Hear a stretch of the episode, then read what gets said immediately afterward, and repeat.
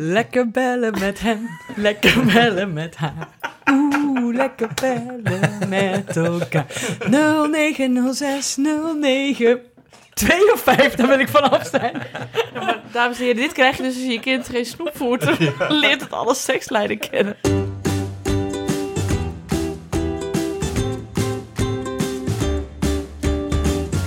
Ik denk dat ik over tien jaar best een goede ouder zou kunnen zijn. Over tien jaar ben je er wel klaar voor, hè? Ja. jij? Dan gaan ze op kamers. Ja. dat Zegt denk de- ik. Zegt de man die net een boek over opvoeden heeft geschreven. Ja. Nu weet ik het wel, denk ik dan. Ik word zo moe van al dit soort dingen. Ik word er zo moe van. Dit moet je doen. Echt, ik gewoon het idee al niet.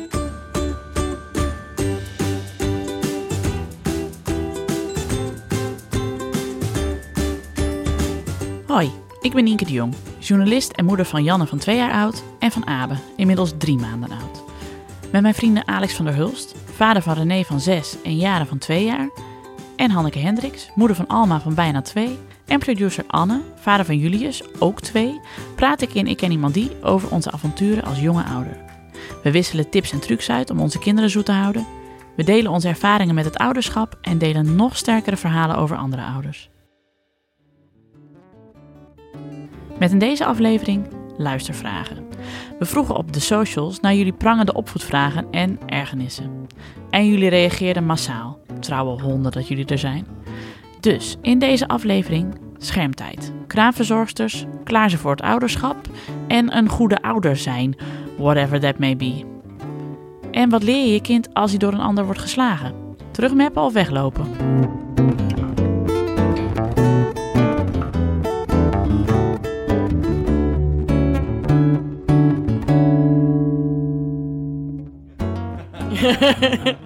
Nou ja, dan mag jij het zeggen, want jij hebt immers vandaag ook een microfoon, Anne. Ja, en heel, heel goed voorbereid. We gaan luisteraarsvragen en kwesties en anekdotes eh, bespreken, toch? We Echt best wel veel. hebben Ja. heel veel gekregen.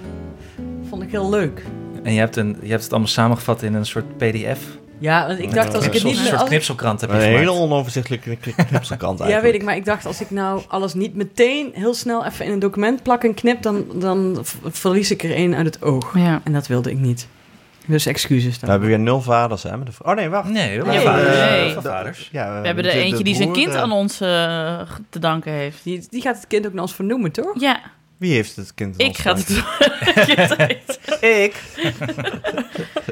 Nee, dat was een... eh, dit was, even kijken. Bas Kursjes, die, eh, die eh, zei dat hij eh, eigenlijk nooit vader wilde worden, maar sinds onze podcast en ik Oh. chargeer een beetje. Dan moeten we er even bij pakken, Ja, denk pak ik. hem er even goed om bij. mee te beginnen. Dat hij dan zijn zoon of dochter... eh, want Anne is dan... Kan, kan hij best Anne als eerste naam nemen, want dat Ja. is eh, lekker Ja. unisex. Ah ja, hier. Ha, Han ha Hanneke. Sorry, dit is zo'n klein lettertype en ik ben zo kippig. Dat is Kan ook hormonen. uitprinten. Dat is, ook, dat is ook borstvoeding. Als trouwe luisteraar van Ik Ken Iemand Die... Ik heb nog nooit een aflevering geluisterd waar ik niet de slappe lach kreeg... kocht ik natuurlijk ook het boek. Al was het maar omdat Tine eind augustus bevalt van onze dochter. Dus vandaar mijn vraag. Wat is eh, voor jullie het belangrijkste hoofdstuk van het boek? Heel veel plezier met de opnames, Bas. En dan zegt hij later... Ja, de eerste kind voor zowel mijn lief als voor mij. Een groot avontuur. En echt, ik ken iemand die heeft me wel over de laatste aarzelingen van kind geen kind heen geholpen. Voor zover die er nog waren. Omdat ik ken iemand die zo comple complexloos is. Hulde, hulde, hulde. We hebben kei veel Complexloos? complex. Eh, Lopende En onze complexen. kinderen ook.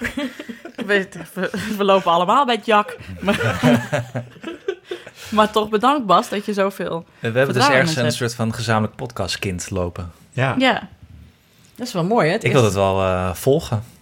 Moet ik... Ja, Of weet, cadeautjes eh, geven met verjaardagen en zo. ja. maar dan We kunnen alleen- onze namen ook combineren. Ja, precies. Al, Anne, An, Al- Al, Anneke... Alenneke. Anne, Alex, Han. Ach, noem hem gewoon Tom. Toch gewoon Tom. Ja.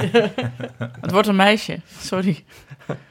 Maar de, wat vinden we zelf het mooiste hoofdstuk? Ik vind het, een beetje, ik vond het wel een beetje een... eh, Ik vind Gekke alle vraag. hoofdstukken mooi. Nee, het belangrijkste hoofdstuk. het belangrijkste. Ja. Uiteindelijk had dat het, het niet bestaande hoofdstuk over de conceptie moeten zijn natuurlijk. Vroemt. Nee, eh, nee, de relaties. Ja, Oh ja. dat vind ik ook een hele goeie inderdaad. Omdat dat eigenlijk overal doorheen zijpelt. Ja. De, de, de, de tips die je daar krijgt. Ja, en ik heb wel vaker gedacht, oké, wacht, nee, inderdaad. Niet gaan roepen, ja, jij mij altijd en ik Nee. nooit en jij nooit dit en ik altijd dat. Ja. Wacht even, als mensen dat, dat hoofdstuk openslaan van het boek, die lezen alleen dat hoofdstuk. Dan snap je wat ik bedoel. Wat voor tips krijgen ze dan? Nou, nee, dat was eh, de eh eh, Ineke Scholten, de relatietherapeut die, daar, die expert was bij dat hoofdstuk. Die zegt eh, dat je altijd moet oppassen met... Het is eigenlijk heel voor de hand liggend. Maar dat je moet oppassen altijd met ruzies die beginnen met ja, jij, nee, jij altijd. Ik, nooit. Ik nooit, of andersom, jij nooit, ik altijd. Weet je wel? En dat je dat bij jezelf moet houden. Dat klinkt heel zweverig, maar dat klopt wel. Ja, en Nienke had er een tip. Toch? Wat doen jullie ook weer? Jullie sparen het op? Of zoiets? Ja, wij sparen het op voor 's avonds. En dan gaan jullie... eh, Ja, niet op het met moment suprem, zeg maar, meteen eh, tegen elkaar lopen bitsen. Maar gewoon s'avonds, als de kinderen slapen, zeggen. Wat ik dus niet heel relaxed vond. Eh, dit klinkt nou heel erg ideaal, maar laatst eh, lag ik ook in bed zo heel theatraal te zuchten. Met mijn rug naar Tom toe. omdat ik eh, ja, nog de goede woorden aan het vinden was, zodat ik ergens kwaad over was. Dus toen heb ik ook niet, niet gedaan, ik altijd, jij niks.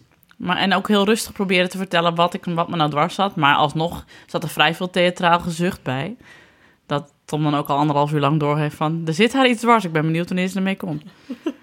Oh, ik stelde me zo voor dat je dan met je rug er naartoe lag en dat hij al lang in slaap was gevallen. terwijl jij je hele verhaal aan het vertellen bent. nou, dat was ook een hele reële situatie geweest. Maar deze keer eh, waren we allebei wakker gebleven.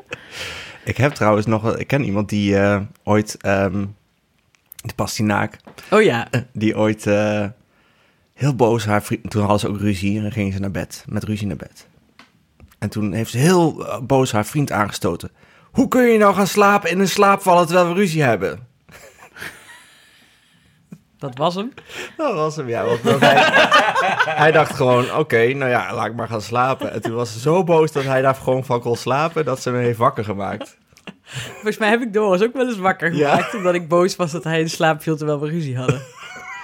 En toen zei hij, ik ben gewoon moe. Ik zeg, nou, dat komt lekker makkelijk uit. Ja, moe zijn om drie In uur bed. s'nachts, weet je wel. Dat is verschrikkelijk. Ja, maar dan kun je je gewoon niet voorstellen dat het ander kan gaan slapen... terwijl er zoveel opgekropte woede zit. Waar je het dan niet eens over hebt, dus dan kun je net zo goed gaan slapen. Ja, dat is Ja, waar. nee, dit is ook echt zo. Ik doe ook wel soms uh, theatraal beneden op de bank gaan liggen. Ik ga hier slapen en dan kan ik natuurlijk nooit slapen, want Nee. de bank die ligt kussen. En dan wacht ik altijd net zo lang.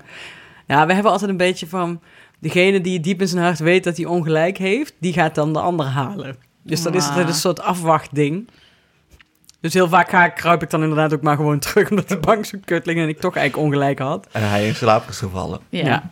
Maar hij kom, de laatste keer is hij me komen halen, ja. Ik weet niet eens meer waar het over ging. Ergens dat, hè?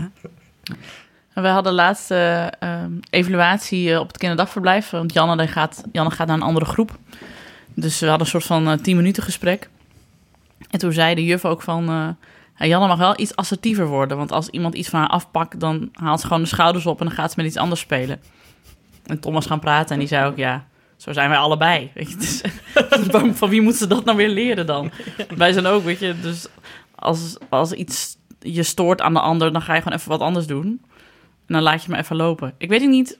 Vraag me over 15 jaar nog een keer of dit nou de juiste relatiemanier manier is. Maar voor ons werkt het wel. Ik kijk nu naar links, naar de bank. Nee, maar niet. Oh, Ah. er wordt een duim opgestoken. Duimpje. Nou, Maar heeft hij geluisterd? nee, dat waarschijnlijk niet. Nee. Hij, hij haalt even zijn schouders omhoog. Ja. Zoals wij dan zeggen, ik hoor je nog wel, maar ik luister al lang niet meer. Maar is hier... ehm, Maar ja, mijn jongste dochter heeft nu als tactiek in, in zo'n geval om zo hard mogelijk te gillen. Oh, In één harde gil, gewoon zo'n gil, gil uitstoten. als jij ze- niet luistert. Ja, of als er iets wordt afgepakt. Of als, gewoon, als er tegenwoordig tegen haar wordt gepraat terwijl ze dat niet wil. Wat nu veel gebeurt. En wat doe je dan? V- zeg ik niet gillen alsjeblieft. En dan zeg ik tegen haar nee, niet tegen haar praten als ze niet wil. En dan gaan ze door. En dan moet je ze uiteindelijk uit elkaar trekken. Nee, ik, eh, ja, misschien weten jullie dat. Hoe, je, wat, hoe ga je om, eh, dat is dan mijn eigen kwestie. Hoe ga je om met eh, zusjes die elkaar de hele tijd in de haren vliegen om niks? Omdat de een praat tegen de ander. Afleiden. Dit is een tip van eh, Gerben de Jong, mijn vader. Die zei altijd, eh, zodra de ruzie dreigde bij ons thuis... dan eh, ging hij er altijd eentje afleiden. En dan van, oh, kijk eens wat een mooie auto ik hier heb. Het is echt, wij waren echt makkelijk om te praten wat dat betreft. Of dan bracht hij het op een ander, ander gespreksonderwerp of zo. En dan appte de woede weer weg. Soms ook niet.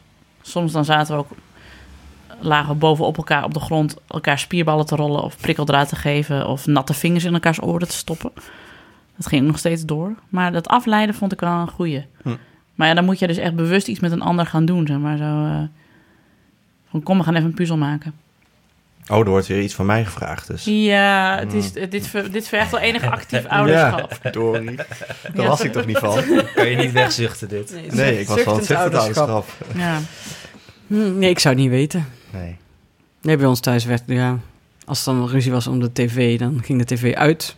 Of als er ruzie was om een Ja, iets, dan meestal werd is dat, dat ook- afgepakt. Ja, dat, zo, dat is inderdaad wel mijn methode, ja. En als ik in elkaar werd geslagen dan, en het deed echt pijn, dan zeiden ze er iets van. En anders moest ik maar terugslaan. Van achter de krant. Van achter de krant. Ja. Niet doen, jongens. We hebben hier wel een vraag die hiermee te maken houdt. Oh ja? Oh, Ja, er was iemand die had gevraagd ehm, of je ehm, moest terug, of je kind moest leren terug te mappen of Oh ja. weg te lopen. ja. Oh ja. Waar stond Als hij nou? werd geslagen, hè? Ja, ja, ja, dat was een van de laatste, volgens mij, of niet? Die Ja. zat in, eh, in de grote lijst van jou, toch? Wie vraagt dat? Ja, dat weet ik even niet. Oh, dat staat daarboven, ja. Oh ja, dat zei Carlijn van der Vecht Boshouwers. Het Carlijn VD Vecht. Kind. Oh, wacht. Het begint met een andere vraag trouwens. Het zijn twee vragen. Zullen we ze twee doen? Doen. Ja. Oké. Kind, 7 jaar. Stevige eigen mening. Belandt nog steeds met grote regelmaat s'nachts tussen ons in een bed. Slaapt dan als een roosje. Ik ben er nog steeds niet uit. Vind ik dit eigenlijk erg? Soms wel ja, maar vaak ook niet.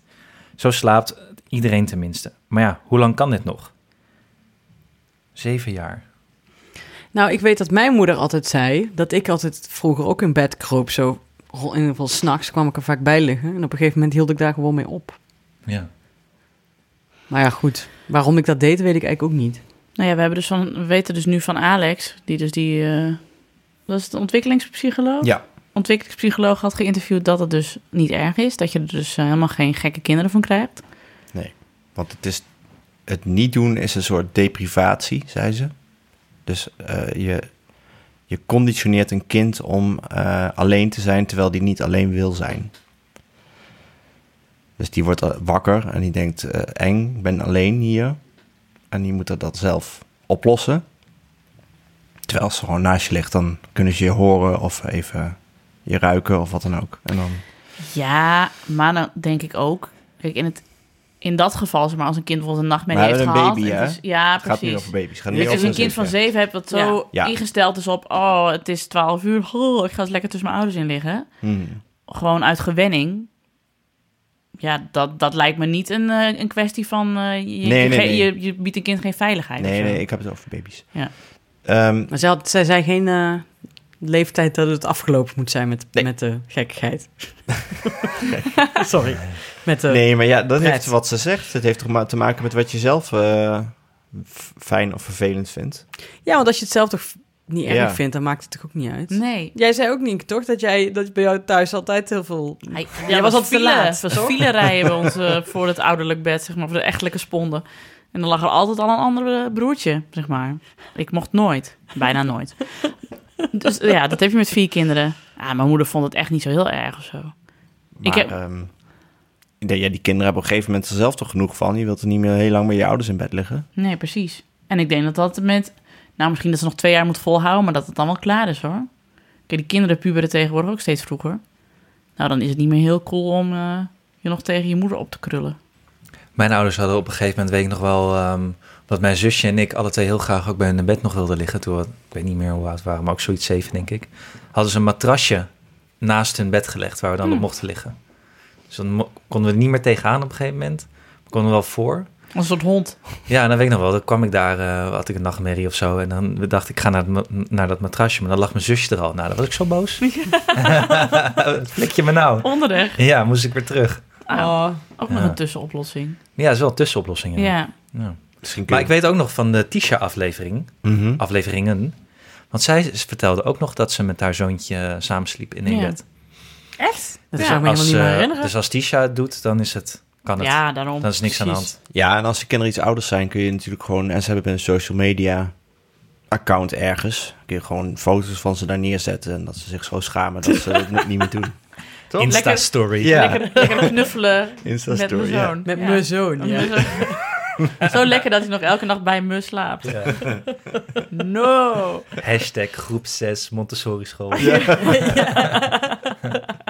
Ed, Ed meester Walter. Ja. Eh, Insta-shaming. Ja. Ja. Ja, dus Carlijn, Komt Geeft goed. niks. gewoon, precies, geef niks. Geef gewoon niks, gaat erover.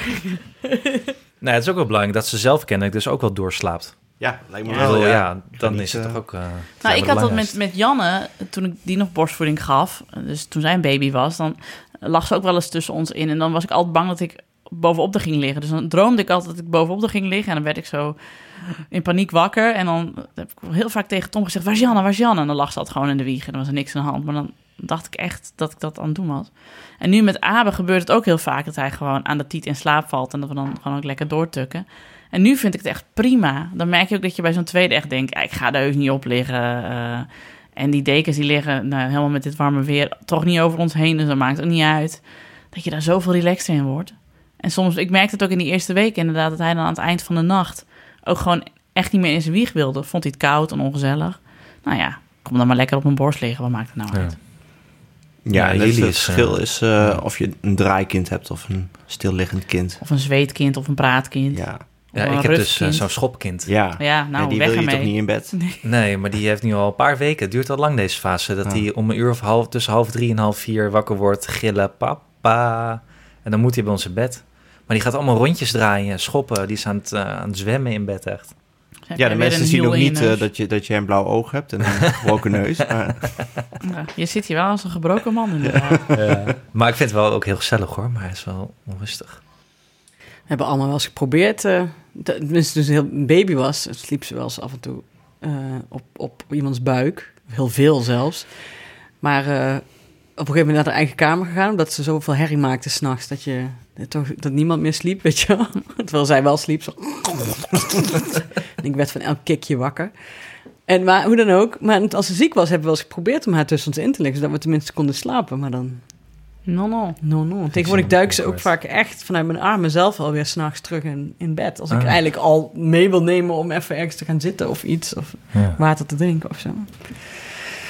Dus misschien hebben we het er echt heel erg afgeleerd. Hm. En is ze eenzaam voor de rest van haar leven.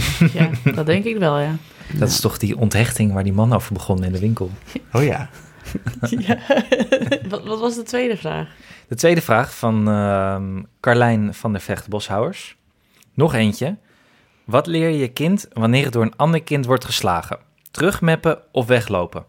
En dan volgt er zo'n emotie van zo'n eh, geel eh, mannetje dat zijn vingers zo nadenkend op zijn kin heeft. Dat doet Janne tegenwoordig ook als ze ergens over na moet denken. Dat hebben we er geleerd. Dat ik zo, hmm, Dan wordt ze die emotie. Even denken. ja, ja, ja. Super grappig. Dit terzijde. Eh, en ze voegt er nog aan toe, daar wordt heel verschillend over gedacht, merk ik. Mhm. Terugslaan. Ja, ik ben ook van terugslaan. Nienke wrijft over haar kind. Hmm. Ja, het hangt een beetje van, eh, van het kind af. Eh, Ik weet niet zo goed. Ik heb het nog niet met Janne meegemaakt. Ik had het laatst wel. Toen waren we op een festival en Janne zat in een soort van zandbak. Er was een jongen die de hele tijd zand op haar gooide. En Janne loopt dan gewoon weg. Die denkt, ja, rot op, hoef ik echt niet bij jou in de buurt te zitten. En ik was kwaad. Ik merkte echt zo die moederlijke, eh, leeuw, leeuwinachtige furie. Van, wat ben jij nou? Pie. Mijn moeder luistert het ook. Ben jij? Dus ik pak die jongen bij zijn arm. Ik zo, en nou flikker je op. Ik zei, uit mijn zandbak. Het was helemaal niet mijn zandbak. en, die, en, en de vader zag dat gebeuren. En die was ook heel kwaad op zijn eigen kind gelukkig. Dus ik hoefde geen ruzie meer te maken met die vader. maar ik voelde echt een soort van, kom niet aan mijn kind. Maar ik, ik zou dan niet tegen haar zeggen, gooi maar zand terug naar hem. Nee, maar ik vind slaan... Nou ja, je krijgt het. Wij hebben het gewoon gehad, want je hoort die verhalen op school of na school. Ja, die deed dat op het schoolplein. Ik zeg, oké, wat heb je dan terug gedaan? Of nee, je moet, ze moet eerst zeggen, stop, hou op op school. Oh ja. Nou, nou, als ze dat gedaan hebben en het jongetje, het is meestal een jongetje, hè? jongetje gaat toch door, dan moet ze het eigenlijk gaan eh, zeggen tegen de juf. Of die ziet het soms niet. Dus dan zeggen wij, of wij hadden gezegd bij een jongetje die het vaker deed, van ja, dan moet je maar gewoon terugslaan. Nee, dat wil ik niet, zegt ze. Want dat mag, dat mag niet. Ik zeg, ja, nee, dat mag misschien van de juf niet. Snap ik ook wel. Maar van ons mag het wel. Ja, maar ik wil het niet. Wat keurig. Ja, dus toen hield het een beetje op voor ons. En wij blijven maar zeggen, nou, maar voor ons mag het wel hoor. Ja, maar ik wil dat niet. Dus ja, Oké, oké, Ja. Banky Moon, dan zoek je het zelf maar uit. is- en dan leggen wij weer uit, nee, maar dat zijn jongens en die vinden jou dan leuk, maar die kunnen zich niet goed uitdrukken. Kijk, daar En- begint het ja, al. dat is de Hashtag hele Me Too. MeToo. Ja, dit is het, is toch zo? Nee, dat is echt heel dom. om Zo zijn zeggen. jongens, die kunnen zich niet uitdrukken en dan gaan ze maar weer duwen of slaan. Deed Nee, maar dat dit- ook? Huh? Deed jij dat ook? Volgens mij wel, ja. Meisjes plagen, kusjes vragen. Ik ging meisjes volgens mij niet, ging ze niet slaan, volgens mij. Nee. Nee, maar je, je- wel klieren of zo. Ja. Ja, dat is wel... Ja, maar het is toch weer anders. ik kan wel zeggen dat, er, dat, dat sommige mensen in wezen gewoon slecht zijn en dat het nooit meer goed komt. Maar ik vind dit een betere, een fijnere uitleg. Ik weet nog niet wat ik ga doen dan. Maar inderdaad wel terugslaan. Maar als er jongetjes haar plagen... Ik ken iemand die, die vertelde me een verhaal van eh, zijn zoontje zat op een crash. En op die crash zat een, eh, een ander jongetje. En die had weer een ander jongetje heel hard gebeten in zijn wang. Oh ja. En die had er echt gewoon een eh, flink litteken aan overgehouden. Zo. En toen werd hij op een gegeven moment gebeld dat... eh eh, was een vriend van mij, die moest naar de crash komen om te praten. Want zijn zoontje had dat bijtjongetje eh een paar meppen verkocht. En vrij hard, omdat dat an- andere jongetje wilde hem ook gaan bijten. Mhm. En dan had hij ook zo'n enorme plek op Ja. zijn wangen gehad. Maar die had echt van zich afgeknokt. En hij was super trots. Ja. Helemaal op zijn Ja, kop zou gekregen bij de crash. Maar hij dacht, goed gedaan jongetje. Ja. Ja, dat- ja, tegen dat soort mensen mag je gewoon optreden. Maar ja, Ik was ook heel trots op Alma dat ze op een gegeven moment ook echt eh, in een soort... Want zij vindt ook alles wel goed. Als iemand haar speelgoed afpakt eh, bij de kinderdagverblijf... dan gaat ze wel inderdaad met iets anders spelen. Maar toen was iemand aan haar laarzen gekomen in de laarzenbak. Haar gele laarzen. En toen was ze helemaal over het, het naadje gegaan op dit jongetje. ook. was ik ook heel trots. Heel goed. het jongetje met twee laarzen over zijn oren getrokken op de kop in de laarzenbak. Precies. Ja. Voor dood achtergelaten. Come on. Ja, Julius laat ook zich alles gebeuren hoor. Als autootjes worden afgepakt, eten wordt afgepakt, zijn drink wordt afgepakt, die doet niks. Ja, maar ik denk dat dit nog de leeftijd is. Ik denk dat we we spreken elkaar over een jaar denk ik wel weer... en dan kijken hoe ze dan reageren. Ja, Ja, maar als zijn af- papa en mama waren dat niet. Nee, Dat weet ik wel, Papa en ik, mama van eh, Jan ook niet, nee. nee. nee. Maar ik werk, weet bij René, die hebben, die hebben eh, op het schoolplein een soort eh, feministische beweging.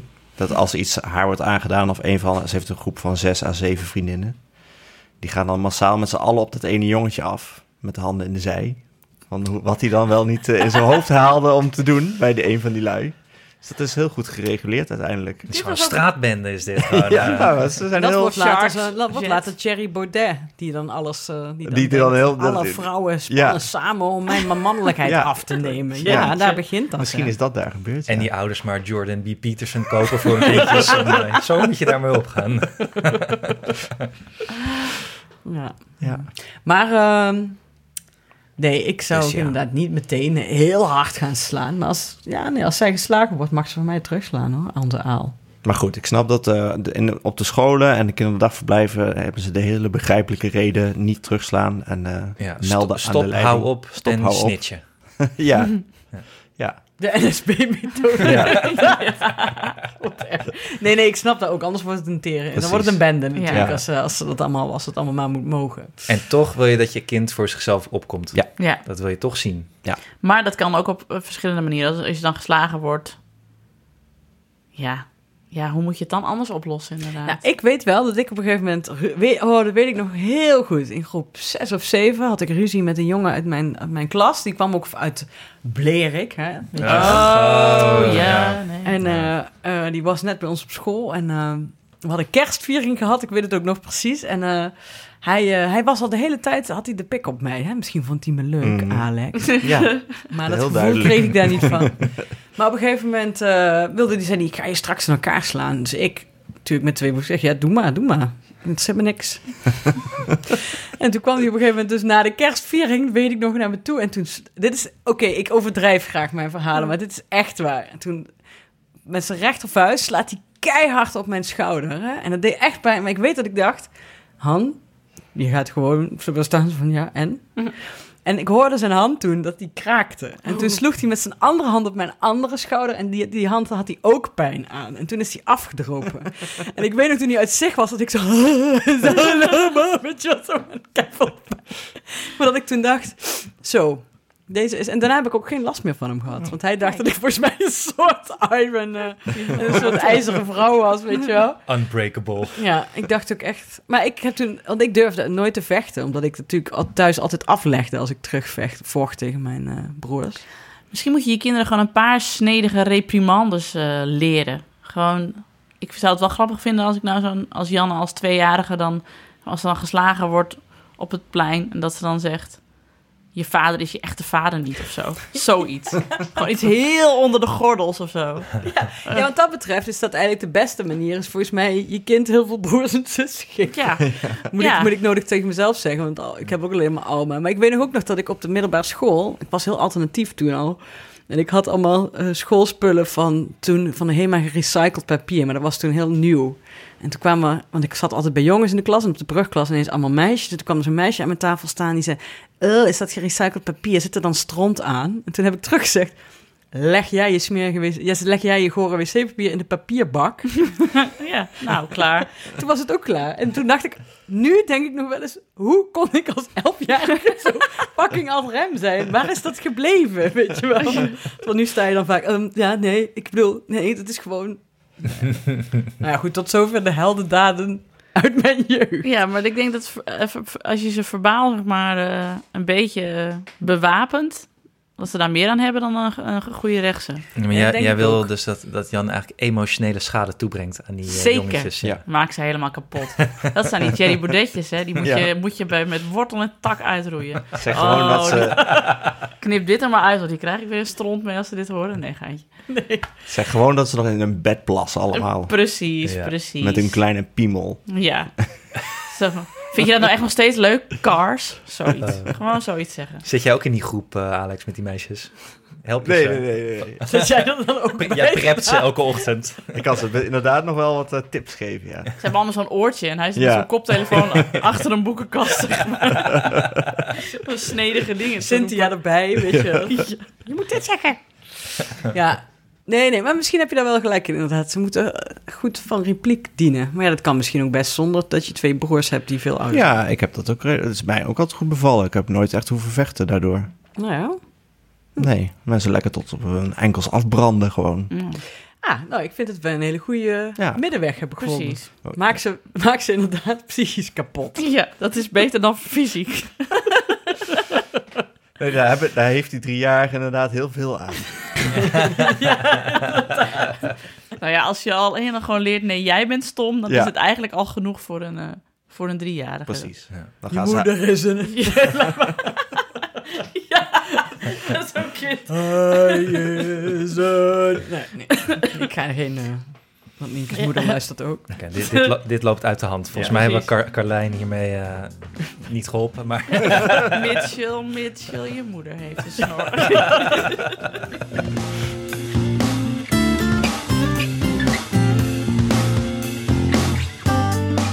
Maar goed, we hebben ook lezers uit België. We hadden ook een vraag uit België namelijk, van Eva. Eva Kardinaal. Ik ben zelf geen ouder, maar ik luister wel heel graag naar jullie podcast en steek er veel van op dat misschien ooit wel nuttig kan zijn. Dankjewel. Mijn vraag is de volgende. Wanneer hadden jullie het gevoel dat je klaar was voor het ouderschap? Echt klaar ben je natuurlijk nooit helemaal, geloof ik. Maar wanneer kwam dat punt waarop het niet langer een ver verwijderd toekomstbeeld was, maar echt een concreet plan? Als dat punt er überhaupt al kwam, uiteraard. Groetjes uit België, Eva. Hmm. Ik denk dat ik over tien jaar best een goede ouder zou kunnen zijn. Over tien jaar ben je er wel klaar voor, hè? Ja. jij? Dan gaan ze op kamers. Ja, dat Zegt, denk de, ik. zegt de man die net een boek over opvoeden heeft Dat geschreven. ja. Nu weet ik het wel, denk ik dan. Ja, maar dat is toch zo? Ook als je een, als je een boek schrijft, denk je, oh, nou, als, je af, als die klaar is, denk je, oh, nou zou ik eigenlijk opnieuw moeten beginnen. Net als met je scriptie. Alleen heb je daar geen zin meer in dan. Nou, bij ik ken iemand die vind, hoef ik niet nog een keer opnieuw te beginnen. Nee, ik vind het oké. wel goed zo. Ja, het is niet als mijn scriptie, inderdaad. Nee, maar dat je opnieuw zou willen beginnen met opvoeden. Maar ik denk dat. Eva toch bedoelt van wanneer was je, wist je zeker dat je een kind wilde hebben? Ja, nooit. Dat weet ik niet. Nee, dat had ik niet. Ja, Nee? ik, ik wel. Ja, want ik wilde nooit kinderen. En toen ineens wel. Door Doris. Ja, Ja. Toen dacht ik meteen, ik wilde wel tien. Maar goed, ik heb ook wel een hele goede man. ja. Maar was er ook een moment dat je je dat ineens realiseerde? Van, Ja, toen ik... Weet je dat nog? Ja, de, de ochtend nadat ik bij hem was blijven slapen. Ah. Toen fietste ik naar huis en toen dacht ik eigenlijk twee dingen. De ene dacht ik, Hendricks, nou ga je godverdomme normaal doen. Dit ga je niet verneuken. En daarna dacht ik, eh, nou van hem wil ik wel kinderen. Serieus. Wat lief. Ja, het is ook een goede man.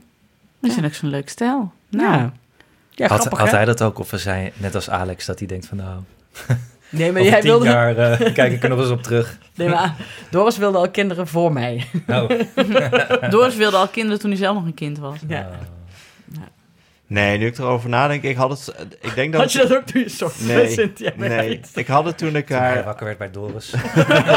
toen ik Doris zag, dat, ja. Hij heeft me omgepraat. Nee, toen ik mijn nichtjes, eh, om, of tenminste mijn, de nichtjes van mijn vriendin ontmoette, die toen echt een hele schattige peuterleeftijd hadden. Toen dacht ik, oh, dat is eigenlijk wel heel grappig en leuk. Nou ja. Toen ik dat schattig vond in plaats van beangstigend, dacht ik, oh ja, daar ben ik er misschien wel klaar voor. Ja, wij stonden eh, eh, op een, eh, een Toscaanse camping. We wisten niet dat het een enorme familiecamping was. Totdat we erop reden en alleen maar Nederlandse kentekens zagen en alleen maar kinderen.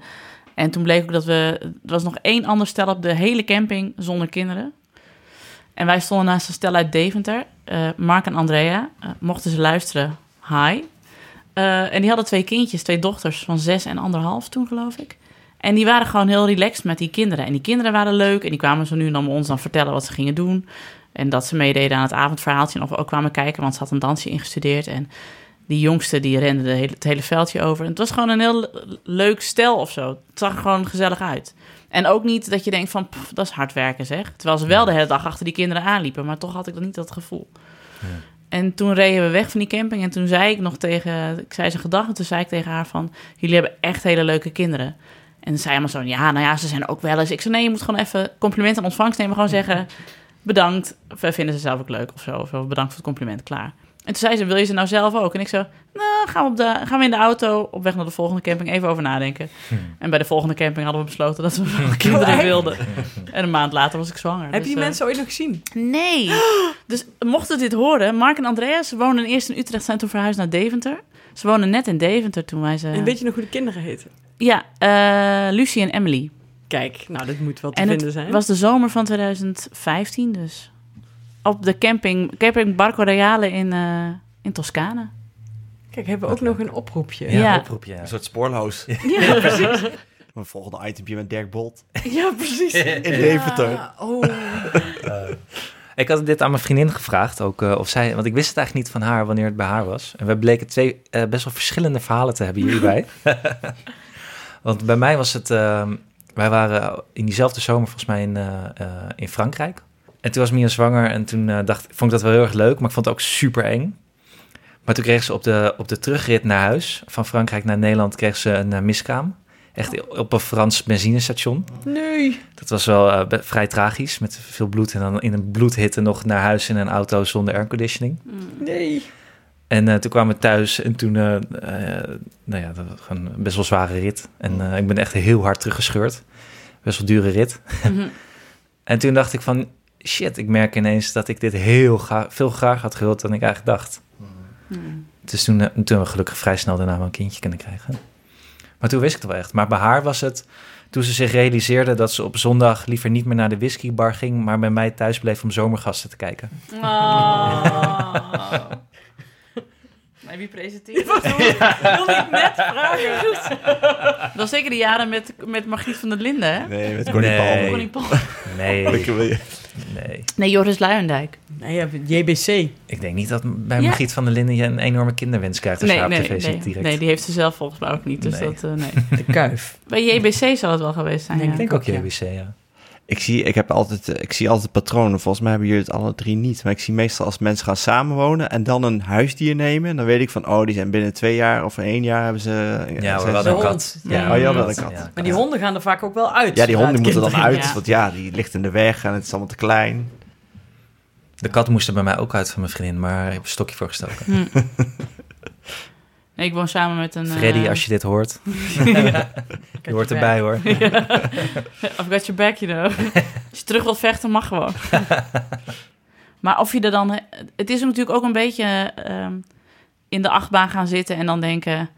Oh, ik ben echt benieuwd eh, waar dit uit gaat komen. Of, of ik er groen ga aanlopen. Je weet het natuurlijk, ook al ben je er een soort van klaar voor... je weet dan niet waar je klaar voor bent. Nee. Je hebt geen idee. We hebben, Nee. Doris en ik hebben zo vaak tegen elkaar gezegd, nog steeds. Oh, maar toen wisten wij niks. Je, je Nee. wisten Nee. niks. Ook als mensen nu bijvoorbeeld zwanger zijn van hun eerste kind... en ze hebben dan het over dingen, ze zijn op visite... en dan zijn ze heel blij. En, of ja, of ook niet, en bang. En dan gaan ze weer en dan zeggen we, ach, ze weten nog niks. Nee. Maar dat is, dus, dat, dat is dus het rare. Want daar had ik dus met die, eh, met die, eh, met die hoogleraar vandaag over. Die zei eh, dat dat raar is in onze huidige maatschappij. Dat mensen soms op hun achttiende of twintigste voor het eerst eens een keer een baby vasthouden. Mhm. Omdat die grote gezinnen zijn er niet meer. We komen niet meer bij de buren met, eh, met hun eh, tien kinderen en drie baby's. Ja.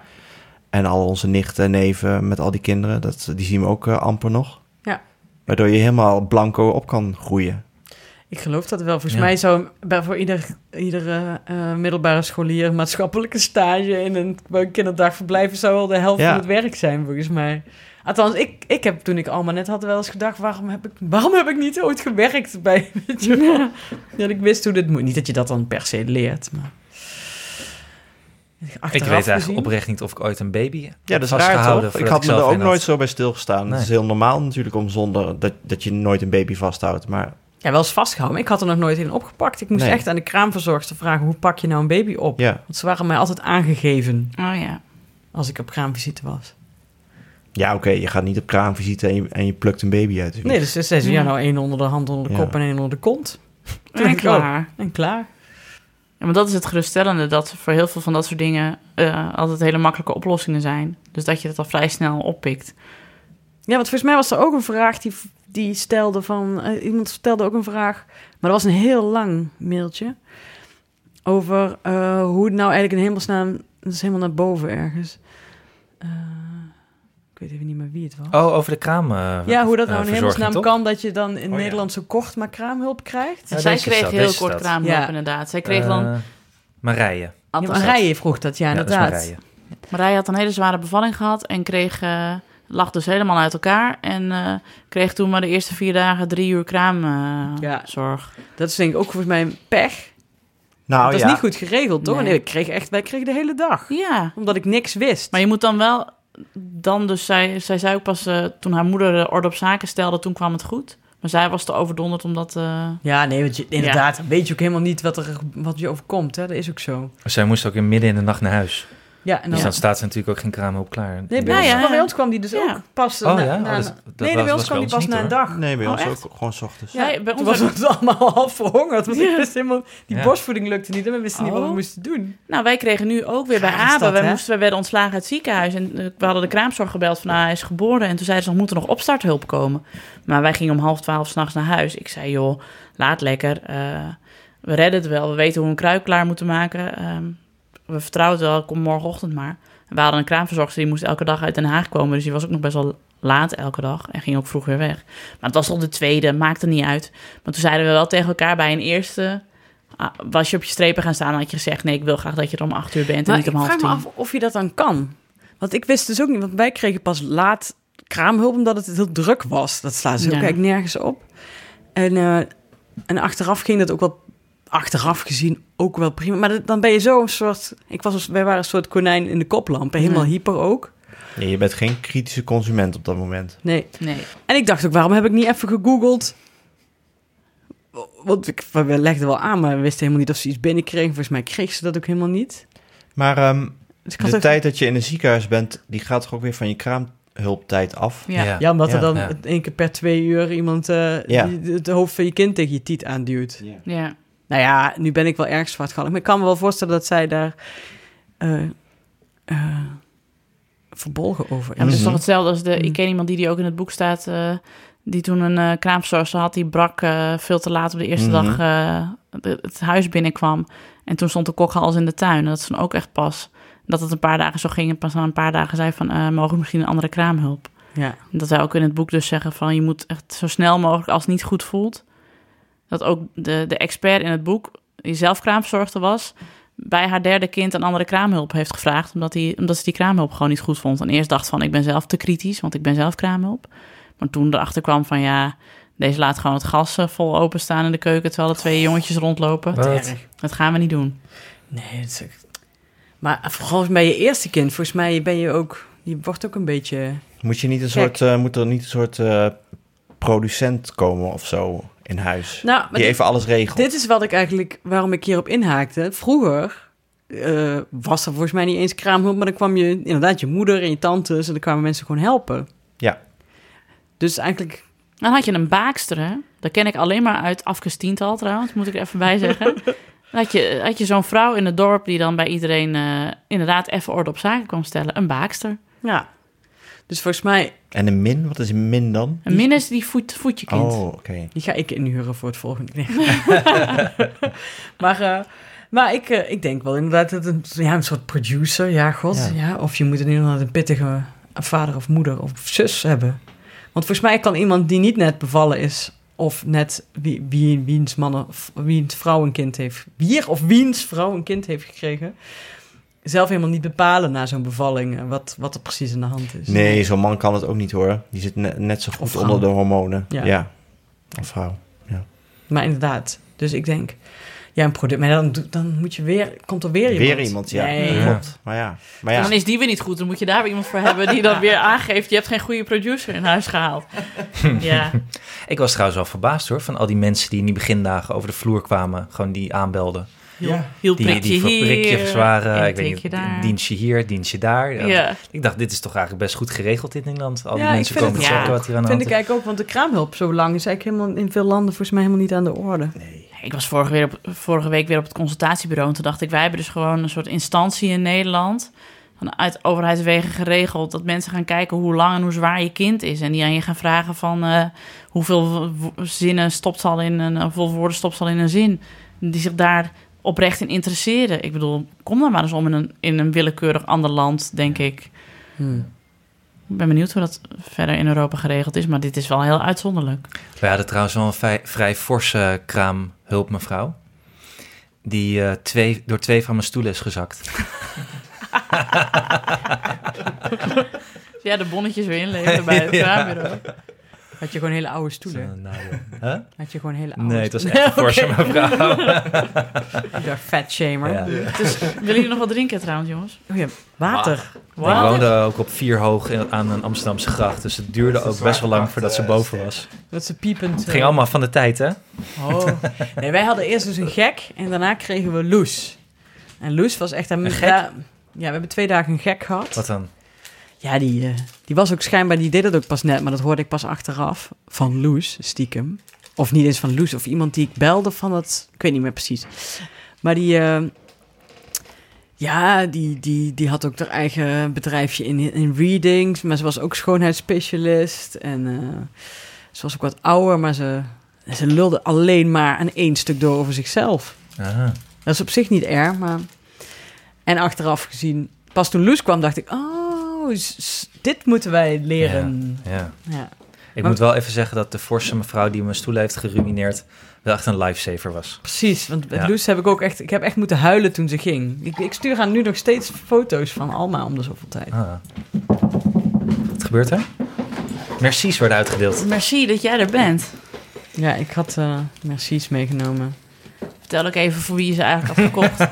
Nou, we hebben Diana, die komt altijd bij ons poetsen. En die is heel leuk. En daar heb ik twee bondjassen van gekregen.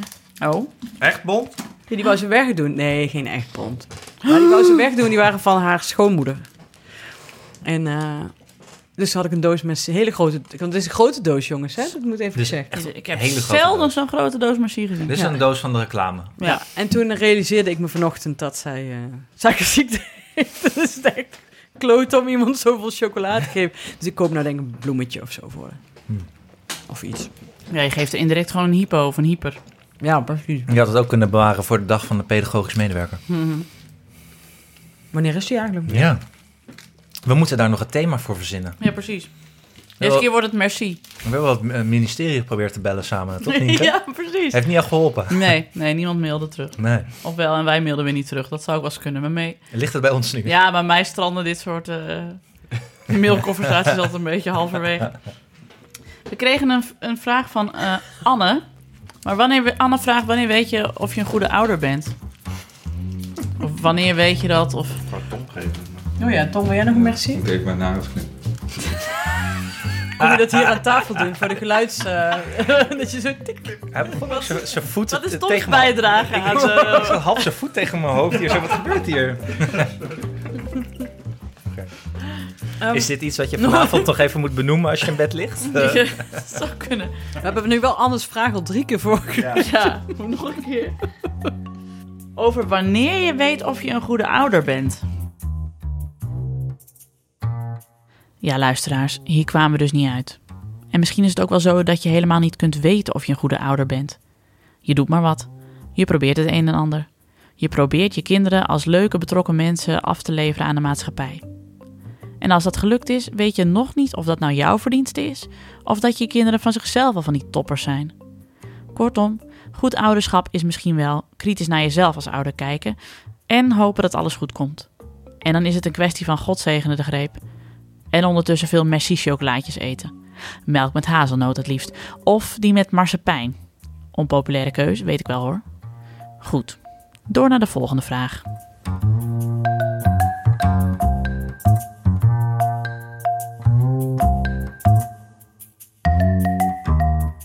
eh, Dionne, die zei, die, ook, die zei hier ook iets over. Ja, want we hebben het wel eens eerder over gehad. Die zei eh, in een van de eerdere podcasts ging het erover of je zelf nu wel een goede ouder kan vinden of pas over pakweg 20 jaar.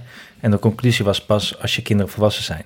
En ik ben het daarmee oneens, want je kunt het nu toch ook al vernachelen. Je kunt nu ook al een slechte ouder zijn, dus waarom niet nu al een goede?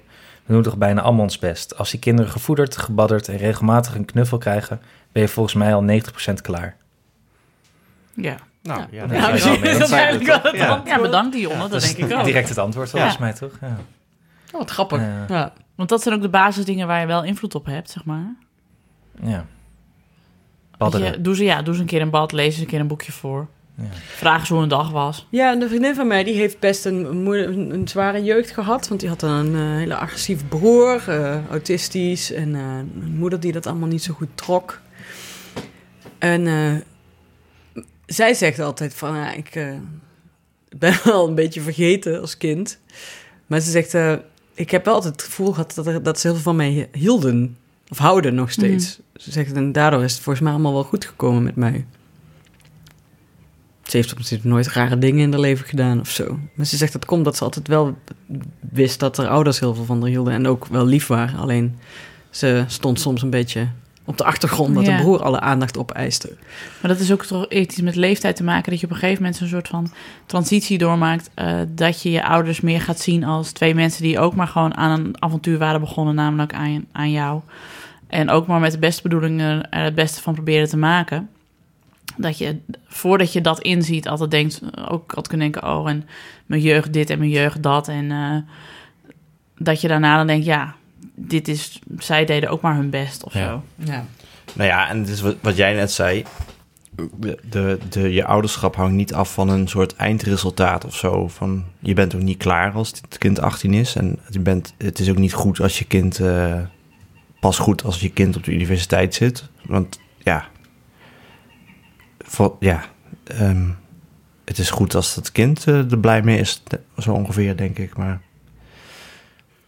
niet dat, er, dat hij iets bereikt of zo. Nee. Ik weet het Want dat is wel het idee van eh, soms af en toe is dat het idee volgens mij. Je hebt ook af en toe van die reclames van eh, scholen die jouw kind opvoeden tot een eh, opleiden tot een professional of zo. maar dat, dat is niet het eind. daar, daar hoef je toch niet naar te streven om. dat heeft toch niks met ouderschap te maken. Nee. Nee, want dat is altijd nog heel gevaarlijk. Want dan, dan zet jij een stip aan de horizon, zeg maar, Ja. om in marketingjargon te blijven. Of eh, man- managementjargon. ehm, voor je eigen kind. En dan probeer je een kind in een mal te gieten waar het misschien helemaal niet in te gieten valt. Dan, dan projecteer je alleen maar jouw dromen en verlangens op je kind. Volgens mij ben je vooral een goede ouder als je je kind zelf laat onderzoeken waar het gelukkig van wordt. En hem Mhm. daarin ondersteunt. En Ja, precies. zo Dat je, je Ja. nu en dan een beetje bijstuurt misschien, maar niet... Ja. En Doris kende ook iemand vroeger, dat vertelde die. Want nou we dus in zijn geboortedorp weer wonen, heeft hij soms verhalen. Omdat we dan ergens in de buurt rijden en dat hij daar vroeger wel eens ging spelen of zo. Toen vertelde hij over een jongen waar hij dan vaker kwam. En die, hij zegt, die kreeg iedere dag, die kreeg iedere dag tussen de middag broodje knakworst. Ik zo, wat the fuck? En toen zei hij, ja, want zijn vader was het superrijk. Of hij was gewoon zo'n zo'n zakenman. En die kwam dan s'avonds thuis in zijn pak. En dan wist dan Doris nog precies. Dan ging hij eerst naar boven, ging hij dat pak uit. Trok hij gewoon zijn gewone kleren aan. En dan kwam hij beneden. Dan zei hij, zo jongen, heb je je vermaakt? Daar heb ik nou echt al een paar keer aan moeten denken deze week. Zo jongen, heb je je vermaakt? Dus het is natuurlijk ook niet alleen maar faciliteren in wat ze willen. Nee. Want je kunt dat wel willen als kind, broodjes knak de hele dag. Maar dat was ook een heel lastig kind, zei, zei Doris. Die ging dan op de grond liggen op school en dan gillen, weet je wel, dat soort dingen.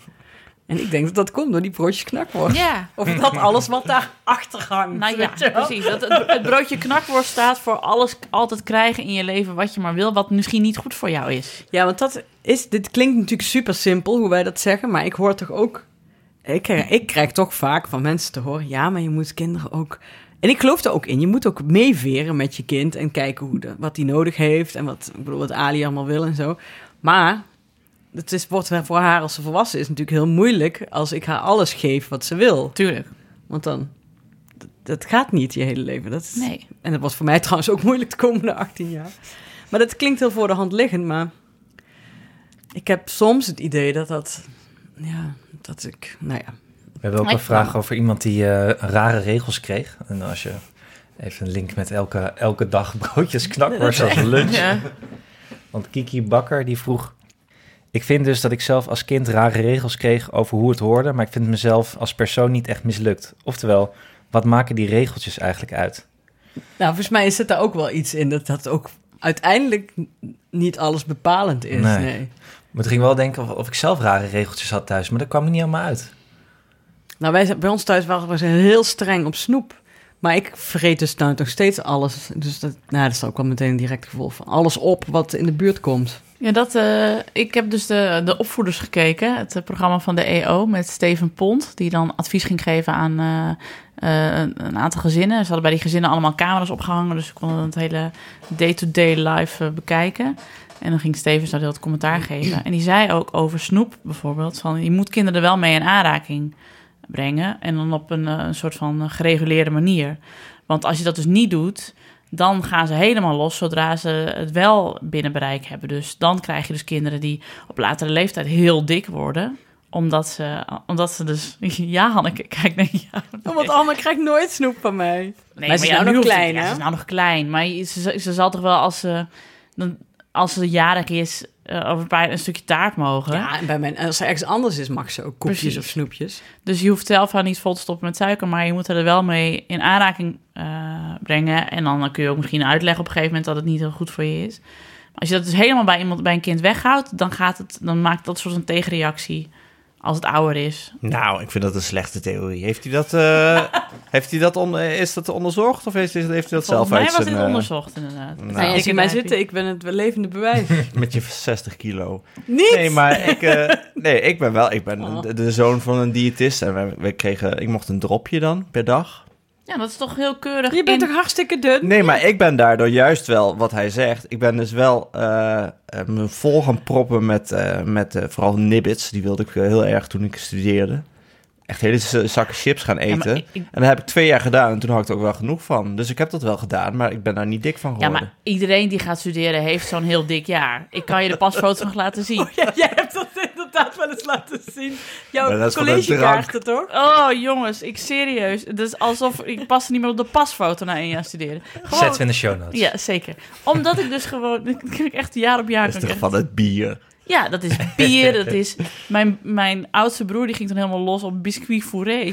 Dat is natuurlijk heel lekker. Is dat Rollen, van die, van die koekjes met prutten tussen, zo noemen we dat. Nee, nee, nee, dat zijn van die eh, wafeltjes, schat. Dat Dus weet net ik als dus bij, allemaal. eh, net als bij de Amish. Die mogen toch ook dan één Ja. jaar zo helemaal losgaan, toch? Ja, hoe heet dat ook alweer? En dan mogen ze weer terugkomen. Oh, dat weet ik niet. Ja, ja, ja, ja, die mogen dan in een jaar het zondige leven. Ja. Hebben ze daar niet zo'n serie van ook op? Ja, eh, Ja, dat is een ze hele hebben- saaie ja. serie. Ja. Maar dan Ja, springen ze helemaal uit de ban. En op een gegeven moment hebben ze het helemaal gehad. En dan komen ze weer terug. En dan gaan ze weer door als Amish precies. leven. Dat heb je eigenlijk ook gehad. ja, Ja, Nico. Roemspringen heet het, Ja. roemspringen. Maar Ja. bij jou was het gewoon het, het je, ja, ja. Ik heb dat nog steeds, maar ik weet, me nu in te houden. Ja, omdat je nu... En dat je nu ook weet van... Het, het is Moet je helemaal door het lint bent gegaan, zo. Ja. Helemaal door het nibbetlint. Helemaal crazy nibbit. Ja, maar wacht even, maar mijn broer heeft het niet. Wat niet? Ad. Thijs heeft het trouwens ook, volgens mij. Dat hij, nou, Thijs Van die snoep. dik. Ja. Dus, nee, dus, ik geloof die is niks van die theorie. opgevo- opgevoed, Ad. En die, heeft, die, die kon echt drie maanden met een, met een chocoladeletter doen. Met Sinterklaas, terwijl Thijs en ik die gewoon zo... Is dat echt een Hendrix? ja, maar dat is net zoals bijvoorbeeld met, Nee, dus... met, met YouTube. Als je bijvoorbeeld je kinderen helemaal bij YouTube weghoudt of zo... of hem bij filmpjes weghoudt... Wat ik nu doe eigenlijk, hè? Want zij, zij- ik, zei, ik kijk geen Oh ja, YouTube precies, meer met ja. haar. nog Netflix, Nee, maar filmpjes. filmpjes... Nee, Ja, ik wat wil zei- wel tv. Ja, maar Wel als je dat tv. dus helemaal bij een kind weghoudt... dan gaat het op een gegeven moment dat dus zo erg naar verlangen... dat het dan op een gegeven moment ook... dat het, dat zo'n obsessie wordt. Kijk, dat lijkt me niet gezond. Nee, maar ja, dat, dat kun je dan ook eh, misschien een jaar doen. En dan eh, denk je ook van, ja, nu heb ik wel... eh, Ja, Steven Pont bracht het ook niet zo van... en daarna gaat je kind dood omdat het zich helemaal doodvreet. Zo zei hij het niet. Maar meer van... Zoals die man bij Monty Python. Ja. Just one tiny little after dinner mint. Fuck off, zegt hij dan nog. I'm full. Zo voel ik mij heel vaak. dan ontploft hij inderdaad. Ja. Ik zat in de, op de basisschool met de jongen in de klas. En eh, de- iedereen wist, bij die jongen thuis mag je geen tv kijken. ja, En daar wilden we dus nooit spelen. Nee. wat, Ja, want wat wil je hiermee zeggen? Nou, dat vond ik wel... Ik vond dat, Dat je dat, is de enige rare regel dat ik kon Ja, bedenken. oh, dat is een rare regel, ja. Ja, die, die dat mocht je dan thuis, als je daar kwam, mocht je geen tv kijken. Nou, dat gingen we dan niet, vond ik wel zielig. Dus heel soms ging daar toch spelen. Bij ons thuis kreeg je bijvoorbeeld nooit snoep en mochten we ook geen tv kijken. Maar bij ons mocht je weer in de tuin met modder hele Ja, dammen- omdat jij, dammen bouwen. Weet je, dus dan mogen we dat omdat af. je in de regen naar buiten Ja, moest. precies. Ja. Dat was wel, wij mogen dat dan af. Als we dan snoep wilden, dan gingen we naar Noor. En als we dan tv wilden kijken of video, dan gingen we naar Eve. En als we gewoon buiten... eh, Als je wilde roken. Ja. wilde roken, dan gingen we naar mij thuis. Ja, serieus. Bij ons thuis mocht je binnen. Nee, ik weet wel, Mocht hij, je binnen eh, roken? bij hem, eh, hij ging dan altijd sekslijnen bellen. Oh ja. Ja. Omdat kijk, je nu geen tv mocht omdat hij geen kijken. tv had, ging hij sekslijnen bellen. Dan had je nog geen gespecificeerde telefoonrekeningen, nee. Ja. Dachten die ouders ineens, hè? Ja. Kon hij heel goed. 640 gulden. Hij kon heel goed seks Hij kon het echt heel goed, hij was zeer goed geoefend erin. Maar echt een sekslijn of wat? We gingen wel eens gratis eh, datinglijnen bellen, had je vroeger. Oh, die babbelboxen. 0600, Ja, seks, babbelbox. seks. Gratis, want voor vrouwen was dat dan gratis. En dan had je Ja. een ander nummer en die gingen wij dan bellen. En dan zo, hallo, wat heb je aan? Ja, Ja, maar- dat, maar dat was het volgens mij, want hij deed ook als- alsof hij dan een vrouw was. Ja, dat is gratis was dat. Oh, Een hele lange onderbroek en hele lange shirt. En, dus dat deden wij dan altijd. En dacht ik altijd, later dacht ik, oh, je zult maar zo'n man zijn. Dat je dan weer zo'n babbelbox ging bellen. Dat je dacht, oeh, gezellig. En dat je dan altijd drie 12-jarige meisjes eh, voor de telefoon kreeg. Wat je toen uiteindelijk, waar Die chatroulette geen, aan die geen tv mochten gegaan. kijken. Precies. Die zich verveelde op een slaapfeestje. Bestaat het eigenlijk nog? Die Babbelboxen? Ja? Nee toch, dat kan toch niet? Nee? Weet ik niet. Ja, nee, ik weet het ook niet. Direct apart, plezier voor twee. 069 600 Dat kan niet voor plezier voor twee. Dat is toch geen babbelbox? 069 Dat je ook altijd. Het is echt dat je die nog allemaal... Dit zit allemaal in mijn hoofd. En dan Ja. had hele belangrijke informatie in kunnen zitten. Maar dit zit erin. Lekker bellen met hem, lekker bellen met haar. Oeh, lekker bellen met elkaar. 0906 09 2 of 5, daar wil ik vanaf zijn. Ja, maar, dames en heren, dit krijg je dus als je kind geen snoep voert. Dan leert het alle sekslijnen kennen. Ja, of als je de radio dus altijd in huis hebt aanstaan. Maar nee, inderdaad. Ja, of de Campina-lijn, de informatielijn belden we ook altijd. was ook gratis. En dan zeiden we, maar heb je dan pak, joh? Konden we echt, echt dagen doen, ja. Maar dat deden we bij iedereen thuis waar toevallig de minste ouders eh, aanwezig waren. Ja. Sowieso, ja, met telefoonboeken lekker eh, mensen bellen. Wat hebben we ons veel verveeld, hè? Oh, Oh. man. ja, maar om even op. terug te gaan naar de theorie. Je, ver- Ja. je, Oh ja, oh ja. je verbiedt kinderen toch ook om te roken en om te drinken? Dat, ik vind, ik ben heel erg tegen deze theorie. Je bent echt kwaad. Ik zie het ook, ja. Ja. ja, Je trilt Nee, maar helemaal. het is ook niet... En, en, en, en dan zeggen ze ook wel van... nee, maar je kan kinderen van het roken afhelpen... door ze een pakje te laten roken... en dan eh, worden ze misselijk. Nee, En... zo, ik denk niet dat hij het zo bedoelt. Ik neem het even op van Steven Pont. Ik denk dat hij bedoelt van dat je dan dus kunt zeggen van ja, je hebt sigaretten en dat je best kunt uitleggen van dit en dit doet het met je. Dan je verbiedt het dan niet, maar van maak zelf maar je keuze. Nou, je mag het best verbieden. Ik denk dat je roken best wel mag verbieden. Dat is gewoon heel slecht voor je. Ja, maar je hebt toch ook die Nederlandse methode van... nou, we gaan met ons kind... eh, laten we een glaasje drinken thuis... En dan zo leert hij dat en zo. Nee, ben ik ook het levende bewijs van dat dat averechts werd. Want dat mocht ik dan wel op zondagmiddag. Dan kreeg ik port in mijn 7-Up, Dat zijn hè? regels. Ja. Oh ja, ik dronk ook wel eens de beste van mijn oma, ja. De beste, eh, was ik denk ik een acht of zo. Ja. Ja, maar dat is nu. Wat? Dat echt Limburg dit, hè? Ja. Ja, dat is, dat is, volgens Of mij is dit protestants versus, eh versus Ja, want ik katholiek. dronk ook wel eens een, een, een, slokje bier van mijn vader, ja. Ja. Sigaretten mocht niet, nee. Maar wel, want toen ik 14 was en 15 en ik ging roken, was dat ook geen probleem. Je hebt nou dus allemaal ouders van puber kinderen die dat proberen te omzeilen door ze 0.0 te geven. Maar dat is dus ook niet de bedoeling. Want dan raken ze dus gewend aan de smaak van bier. En dan zijn ze, als ze bier mogen drinken, echt veel sneller En aan ook- het bier. Precies, en nog veel erger, ze raken gewend aan de smaak van vies bier. ik bedoel, nou, ik kom nu een tijd weer uit mijn alcoholvrije periode. En, en je hebt 0.0 die nu best wel te drinken zijn. Ja, dat is hoor. waar, maar dat, jever. Ik kan nog andere merken gaan noemen. Krijgen we dan de reclamecodecommissie op ons dak? Of, eh? Nee, dan moet je juist meer merken. Oh, Heineken 0.0 vind ik ook prima. Echt? Brandweizen is ook prima. Oké, brandweitsen is ook goed. Erdingen, maar die is niet helemaal 0.0. Nee, Erding is ook goed. Ja, maar Ja. dat is 0.1. 0,5. Ja, ik doe daar niet zo moeilijk over, maar je hebt andere mensen die er wel moeilijk over doen. Nee, als je daar moeilijk over doet, ben je gek. Dan moet je namelijk volgens mij 10 liter drinken... wil je de effect krijgen van een Ja. half fluitje. Dat denk ik ook. Maar ja, Wie gaat er nou 10 liter malt drinken? Duitse malt. straks komt over 18 jaar komt er een onderzoek en dan blijken mijn kinderen echt zo gek als een deur omdat ik eh, die Erdingers heb. Ja, maar dat zijn wij met z'n allen ook zo gek als een deur. Want onze ouders dronken volgens mij gewoon tijdens de zwangerschap. Die bruin bierouders hebben we allemaal. Ja, jij heb ik wel eens in de kroeg gehad. Nee, ik vertel het alsof ik... Lea heeft het wel eens in de kroeg gehad. Maar ik vertel altijd anekdotes van Lea alsof ik dat zelf was. Ja, maar dat snappen wij wel. Ja. Maar die had dus een keer een vrouw in de kroeg. En eh, die was echt overduidelijk zwanger. Gewoon dat je, dat je niet... Bedoel, we maken er altijd grapjes over. Maar dat was echt gewoon nog net geen band om de buik. En die bestelde een chimie bleu. Wat dus echt 9% is. En Lea van... ehm, ja, het is wel... is wel, ja, het is wel sterk bier. Ze is donker. Dan, dan zie je het niet. Dus nee, want dat is, dat is hetzelfde als oud-bruin in die vrouws hoofd. Ik snap het niet. Nou, ze zeggen dus dat je best als je zwanger bent een keer een oud-bruin mag drinken, want dat is 2,5%. Wie zegt dat? Ah? Nou ja, dat is een beetje van de oude stempel. Dus Nee, de oude stempel was, je moet na je zwangerschap eh, bruin bier gaan drinken Ja. om aan te sterken. Ja, maar het, het schijnt dus dat je ook best een... Zo, Oh. Mensen, dat werd wel eens gezegd. Ik vind het ook niet mis. Daarbij is oud-bruin echt heel vies. Ja. Maar die vrouw dacht dat, eh, dat, je, dat het gewoon als het, als het bruin bier was, dat je het dan mocht drinken. Zo. Zoals een soort bruin brood, wat dan ook eh, Ja. gezond ja. is. Ja. Nou goed, de anekdote. Toen ik die, bij een andere groep kwam die wel eens een betere, viel die wel eens een betere aarde. Maar goed. We We hebben ook een hadden het vraag van een, eh, on- on- onthouden. van een man, van Martijn van S. Die zegt, ik worstel nogal met de hoeveelheid schermtijd. De ologen en agogen hebben het over een half uur per dag, maar dan krijg ik mijn eten niet klaar. Daar moest ik echt... eh, Doris moest ook heel hard om lachen. ik ook. Ik, Nou eh, ja, ik, ik, ik dacht van, wij hebben, ik ben nog steeds wel redelijk tevreden met onze, eh, volgens mij, ongelimiteerde tijd. Ze mogen eigenlijk kijken wa- wanneer ze willen. En eh, dan reguleren ze het zelf wel. Als je kinderen dat aankunnen, lijkt me dat een prima... Ja, maar volgens mij kunnen ze dat heel goed. Misschien is dat de theorie van, eh, als je ze het maar aanbiedt, dan gaan ze niet on, on, eh, on, afgebroken kijken. Ik bel Steven Pont wel even. wat hij- Nee, mijn oudste dochter die wil gewoon liever buiten spelen, dus die kijkt sowieso minder dan. En de jongste die kijkt als ze moe is en niet buiten wil spelen. Maar ja, ik denk als ik het aan Janne over zou laten, dan zou ze de hele tijd eh, kijken. In ieder geval zou het in ieder geval de hele tijd opstaan. Dan zou ze wel andere dingen doen, maar dan zou wel de hele tijd die tv staan tetteren.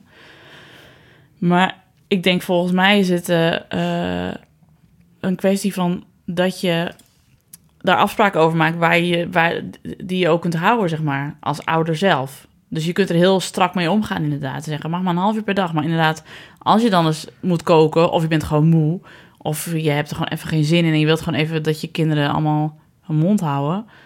En dat je dan dus al eerder de tv aanzet dan officieel mag, of veel langer dan officieel mag, dat wordt onduidelijk voor die kinderen. Ik vind ook altijd, eh, als Janne uit het KDV komt, dan is ze moe. Als ik uit mijn werk kom, ben ik ook moe. Dan wil ik ook even rust. Precies. Ga lekker even Peppa Pig kijken. Dan maak ik ondertussen het eten. Geen haan die daarna kraait. En als dat dan eh, een uur is, ja, nou, so be it. Hm. Ik vind dat wel gezellig als eh, Julius tv kijkt, want hij praat dan heel veel eigenlijk. Gaat hij dat vertellen? ja, wat hij er vertelt gebeurt? altijd wat, hij- wat hij ziet en wat er gebeurt. En dan ik, ik, eigenlijk is het best wel interactief hoe hij tv kijkt, want ik ga vaak met hem kijken. Mhm. En dan roep ik, kijk, dat is een pinguïn. Dat is nou een pinguïn. En dan Ja. zegt hij, mem, man. Oh, ja. Ja. Ja, want pas, ik was pas Zuidas aan het kijken. En daar werd op een gegeven moment ook iemand heel boos. Mark Rietman. Sorry, ik wil nu meteen van alles over Mark Rietman gaan zeggen. Ja, ik ook. Die stomme ABN AMRO reclames. Precies, maar het is wel de een van de beste acteurs van Nederland. Ja, maar vreselijk. Wat een klootzak is in die Die reclames. man moet ook zijn hypotheek betalen. Ja, maar... Ugh, nou nou hebben we meteen het hele gesprek gehad. Wat wij niet op Twitter hebben gevoerd, dat is Nee. heel goed. nee, maar in ieder geval, eh, toen schrok ze heel erg inderdaad. En toen op een gegeven moment moest iemand huilen. En toen zei ze, huilen. Ze ze zo en keek ze heel zielig zo naar de televisie. Ik Ja, zeg, ja, die Dat is, is nou die is huilen. heel verdrietig. Maar Ja. dat is niet- ook niet erg. Toen dacht ik ook, jezus. Nee, Hey. maar... de- Wat, wil, je- wat zeggen? nee, Sorry. Ik, weet niet meer. ik wilde over Word Party iets zeggen, maar dat is... eh, Nou, je hebt natuurlijk, je hebt Ja. natuurlijk wel eh, laatst weer dat onderzoek dat, dat als kinderen te veel op schermpjes kijken, dat dat niet goed is. Dus dat je ze niet hebt een tablet in de hand moet Waarom is het niet goed? Dat is niet goed voor hun ogen ook. Oh ja, die was... Ja. Kinderen tussen de 0 en de 6 besteden gemiddeld anderhalf uur per dag achter een tablet of telefoon. En dat is te veel volgens de geleerden. Vooral kinderen tot twee jaar leren daar te weinig van. Die moeten in de echte wereld leren delen, samen spelen en in speeltuintoestellen klimmen. Als je kind dan toch een filmpje wil kijken, kijk dan mee en stel vragen. Zo leren ze er nog iets van. Kortom, we moeten ons allemaal gaan verdiepen in de leefwereld van Peppa Pig en haar kleine broertje George. Ja mensen, ik sta ook niet te juichen. Maar ik ga toch maar mijn best doen. Een link in het onderzoek zetten we in de show notes. Ik vond wel, ik hoor dan van ouders die dan zeggen: Oké, je mag pas overdag pas na vijven tv kijken. Ja, dat soort dingen. Als je, maar alleen maar als je jezelf eraan kunt houden, als je als ouder daar consequent in kunt zijn, dan is het goed volgens mij. Die kindjes komen wel eens bij ons spelen en dan kijken ze tv bij ons. Nou ja, ik, Terwijl mijn dochter roept, gaan we nou naar buiten gaan? Nee, ik wil tv kijken. Hebben jullie wel eens die app gebruikt die bijhoudt hoeveel eh tijd je zelf op je scherm kijkt van je telefoon? Nee, dat durf ik niet, want dat is echt verschrikkelijk. Ja. ik heb geen smartphone. Oh ja, dat- Hanneke, vertel nog één keer waarom je geen smartphone nee. Nee, maar... eh, nee Maar maar, dat is ja, maar ik kijk, uren. ja, ja, maar ik kijk heel veel televisie. Als ik eh, niet werk. Mhm. Als, ook als Alma er is, s Mhm. ochtends en het regent, dan kijk, heb ik gewoon de tv aan. Ik wil maar dan niet kijk meer... ze wat ik kijk. Ja, ik, maar ik wil niet meer met mijn dochters eh wielrennen kijken hoor. Ik heb er nu genoeg van. Ja, wat zijn er allemaal voor snee? nou, eerst gaat het heet over of ik me ook mee zou kunnen fietsen. Dus ik moet de hele tijd zeggen dat ik, dat, dat ik daar niet bij kan houden. en daarna moet ik zeggen voor wie ik ben. En dan, moet, dan kiest zij voor wie zij is, de rode dan vaak. En dan wint de blauwe. En ik ben toch voor de blauwe. Jij was voor de rode, hè? Dus dan... Maar ze willen niet zappen. Jawel, want het is natuurlijk ook wel saai. Ze willen Oh, wel ja. vijf minuten meekijken en daarna is het saai. Want dan hebben we vastgesteld dat ik niet mee kan fietsen en dat ze voor de rode zijn. En dan zeg ik, het duurt nog twee uur voordat ze fietsen. je er eindeloos, En dan moet Peppa Pig weer op. Oh. En doe je dat dan ook?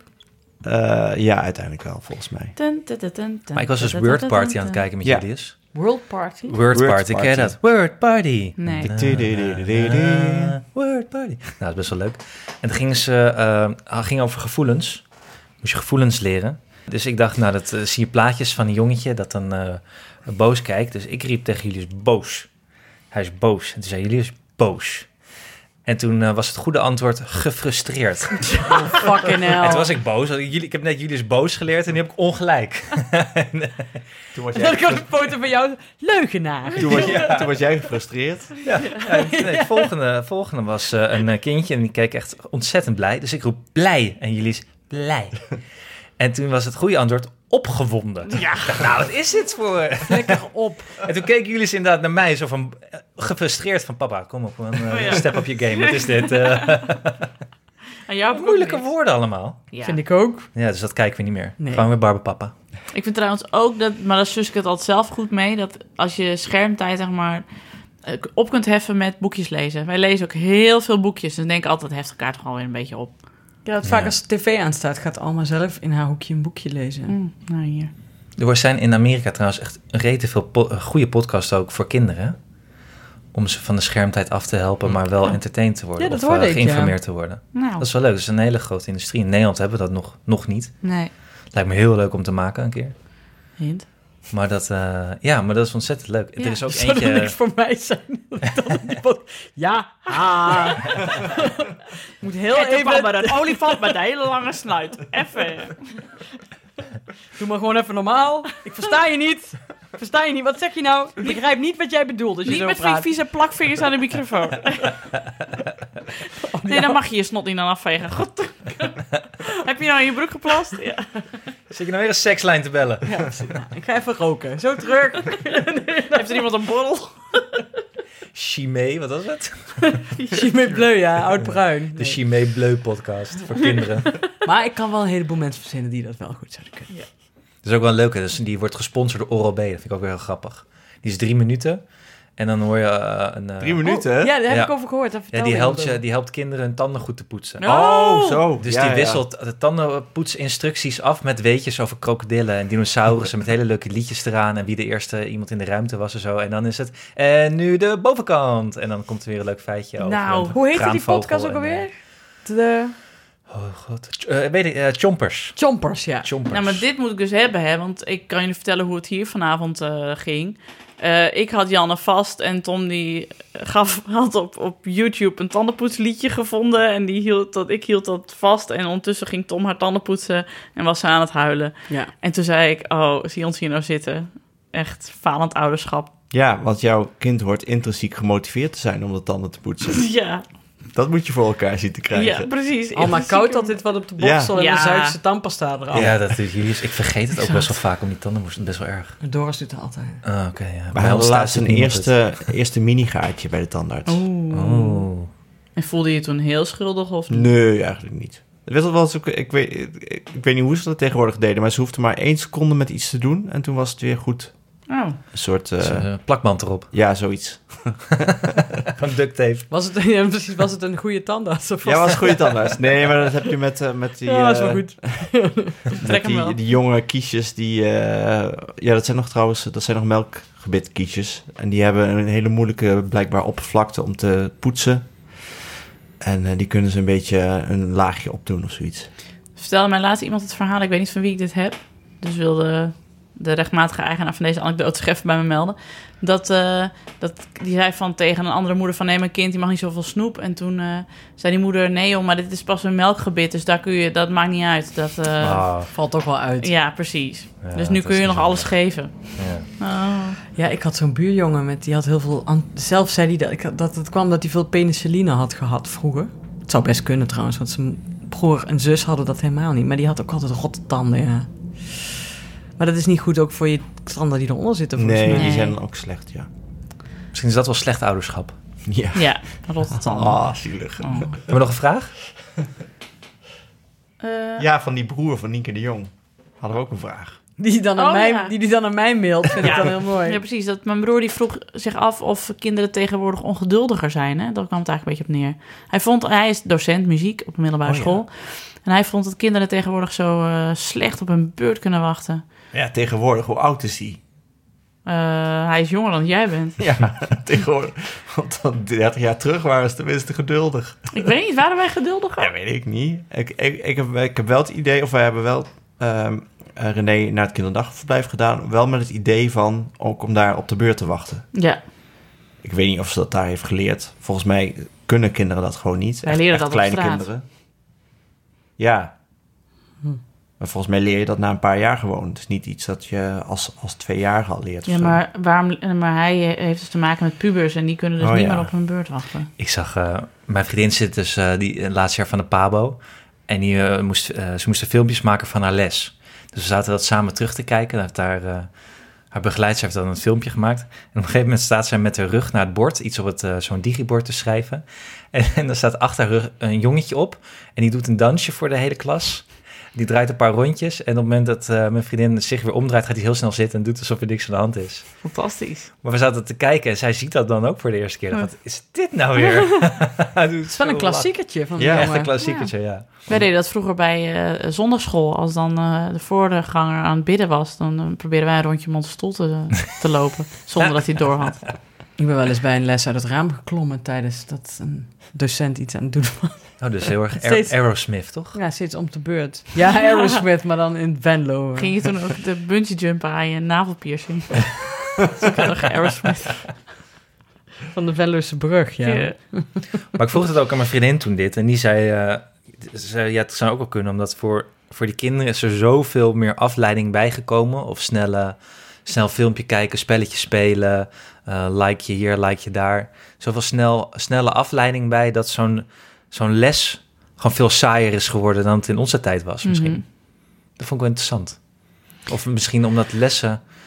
Ja, omdat wij zoveel, zoveel meer afleiding hebben... dat lang zitten op school en luisteren naar een leraar...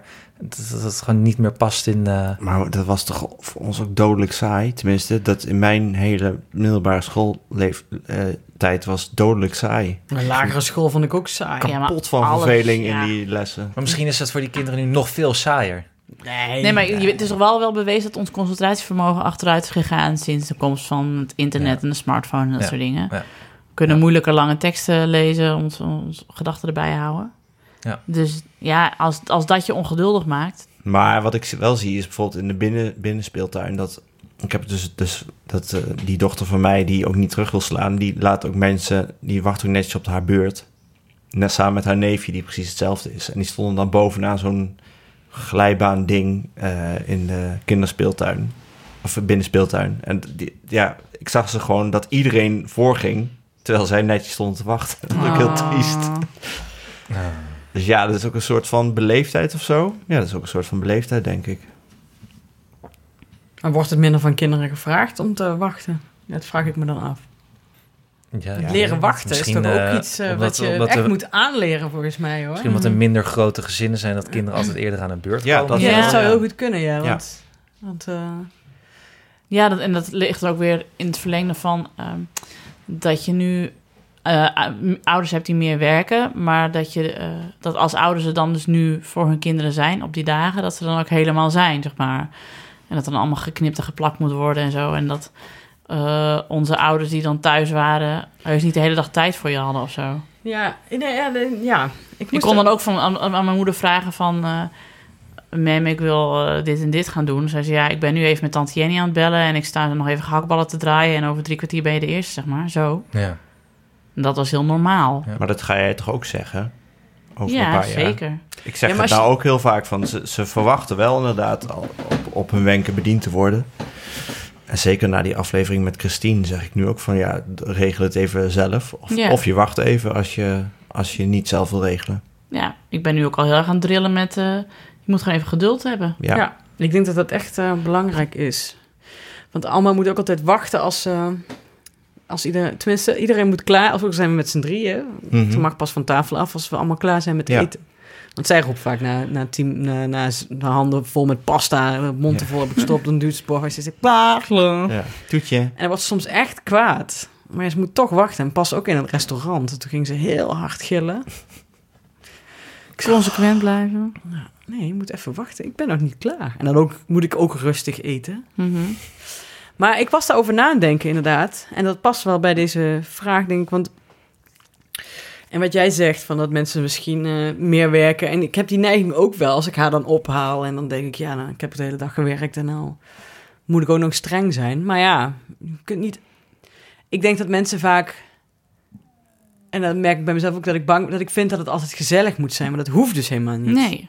Dat kan namelijk niet. En dat is volgens mij ook helemaal niet goed voor haar. Dus ja, dan vaak is het toch... Moet ik dan een strijd aangaan? Of dan moet ik... of strijd? Ja, ik moet de laatste tijd vaak... eh, moet ik op de brommen. Omdat ze toch dingen aan het uittesten is.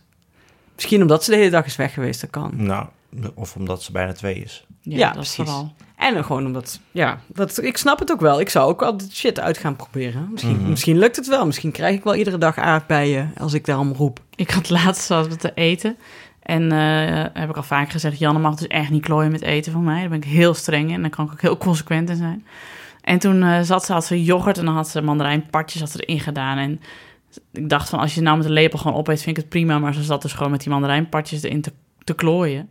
Toen zei ik ook, ik zei, eh, Janne de Lauw, ben je nou aan het eten van het klooien? En zei, Ik ben aan het klooien. Zij is echt zo... van- ik zei, je weet wat er dan gebeurt, hè? Toen duwde ze echt zo het bordje weg. Zo van, ja, je gaat het nu toch innemen. Ik zei, ja, kom maar hier, geef maar. Maar dat is van, ik ben aan het klooien. Zo'n kind van bijna twee. Toen, ja, ik ben aan het klooien. dat vond ik echt, ik echt, yes, echt. Ik heb een half jaar voet bij stuk gehouden en echt eh, zero tolerance beleid op het eh, niet klooien met eten. En het, het, het werpt zijn vruchten af. Dus eh, ik ga het vaker doen. Heel goed. Ja, vind ik ook knap. Ja, maar we hebben best wel een gehoorzaam kind hoor. Deze durft bijna niks, joh. Misschien komt dat nog. Ben benieuwd. Oh, Julius eh, die haalt het uit de kattenbak eh, de drollen van de kat. En die legt ze dan in het water van de kat. En dat is zijn favoriete spelletje. Oh, oh, oh. Oké, jij wint, denk ik. Ja, ja. Ik zou het misschien toch de kat wegdoen als ik jou was. Freddy, kom op. Ready. We hebben ook allemaal vragen van eh, mensen die niet per se eh, die niet ouder zijn, maar wel luisteren. Wat heel Mhm. leuk is. Ja. Ja, want het valt mij best op, want iemand dat er, want ik had dus ook iemand die mij eh, direct Twitter mailde en die zei ook verontschuldigen. Twitter. Ja, lijkt me mijn moeder wel. Eh, ja, maar Anneke heeft al pas geen smartphone. Met Eh, elektronische eh, post. Ja, precies. Ik Nou, er kwam een postduif in huis. Bergharen aan met een vraag. Nou, iemand die mij direct Twitter mailde mail. op Twitter, Twitter mailde,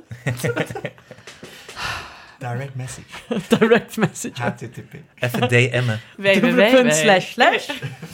Dan weet ik niet meer wat ik wil zeggen. Die zich verontschuldigde omdat ze dus geen kinderen had. Zelfs toen dacht ik, toen zei ik, toen Twitter mailde ik, ehm, dat, we echt, dat ik heel veel reacties had gekregen Ja, dat is leuk hè? van mensen Wist zonder niet. kinderen. En ook, ik heb al vaker vrienden die geen kinderen hebben, die zeggen dat ze graag luisteren. Ja. Wat leuk. Vind ik ook Ja. leuk.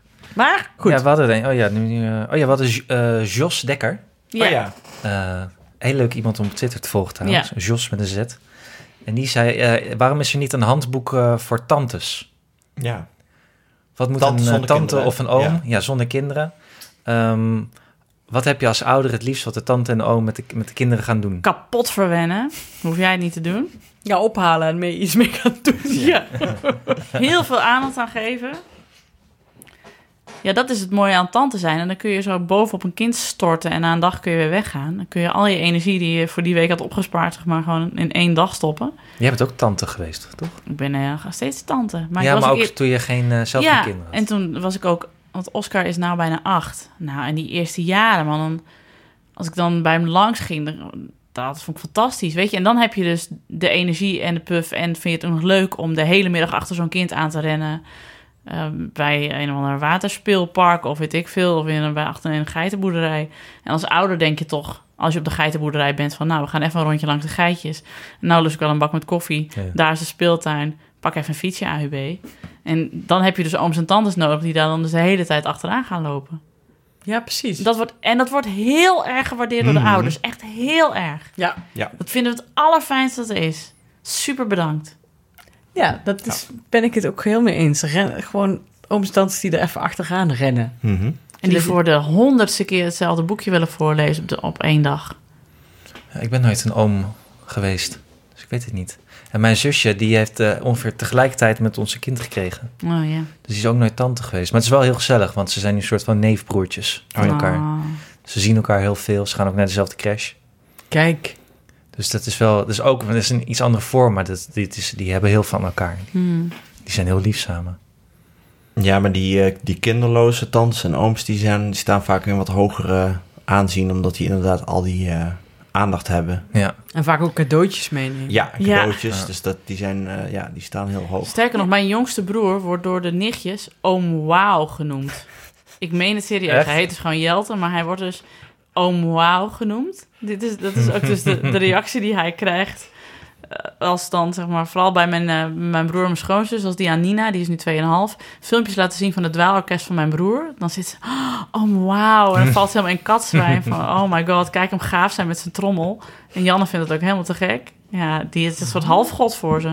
Goed. Oom Wauw. Ja, trouwens, Alma vindt mijn oudste broer ook heel... eh, Thijs. Dat, die kent, dat is de enige die ze dan op de Thijs en eh, Doris' vader, opa. Oh ja. Dat was echt een hele grote groepsfoto. Dat waren dan de twee die ze aanwezen.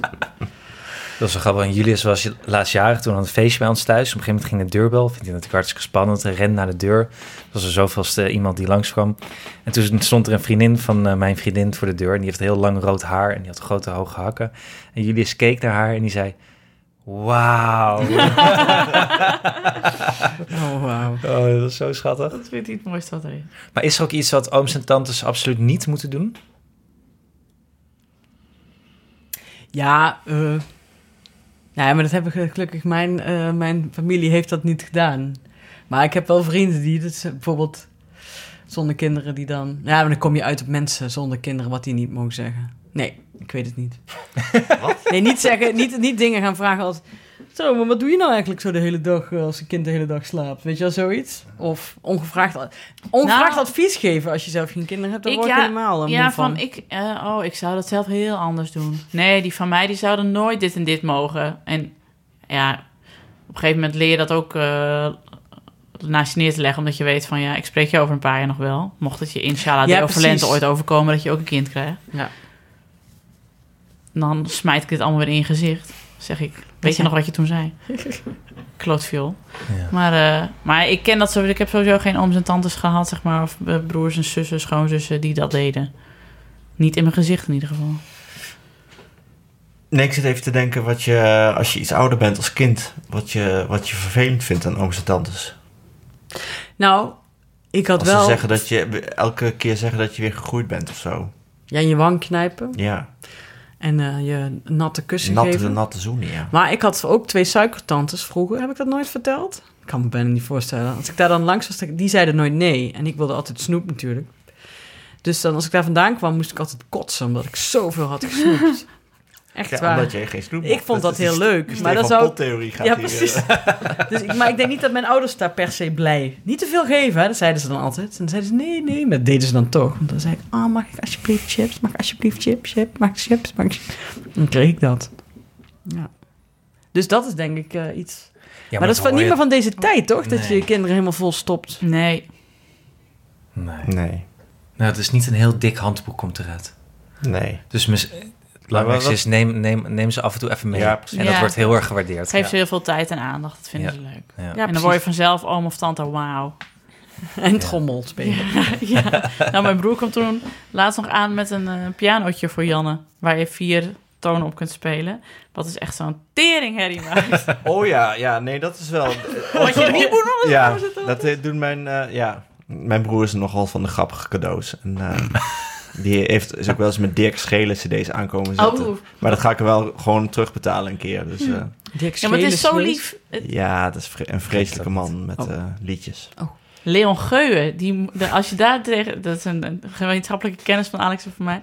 Als je daar Dirk Schelen tegen zegt, dan, dan flipt hij gewoon helemaal. Die heeft echt een trauma overgehouden aan zijn dochters die van Dirk Schelen hielden. Echt heel erg. Wat, wat is dit dan? ken Ja, het kinderliedjes. Ja, een hele vrolijke troubadour is het.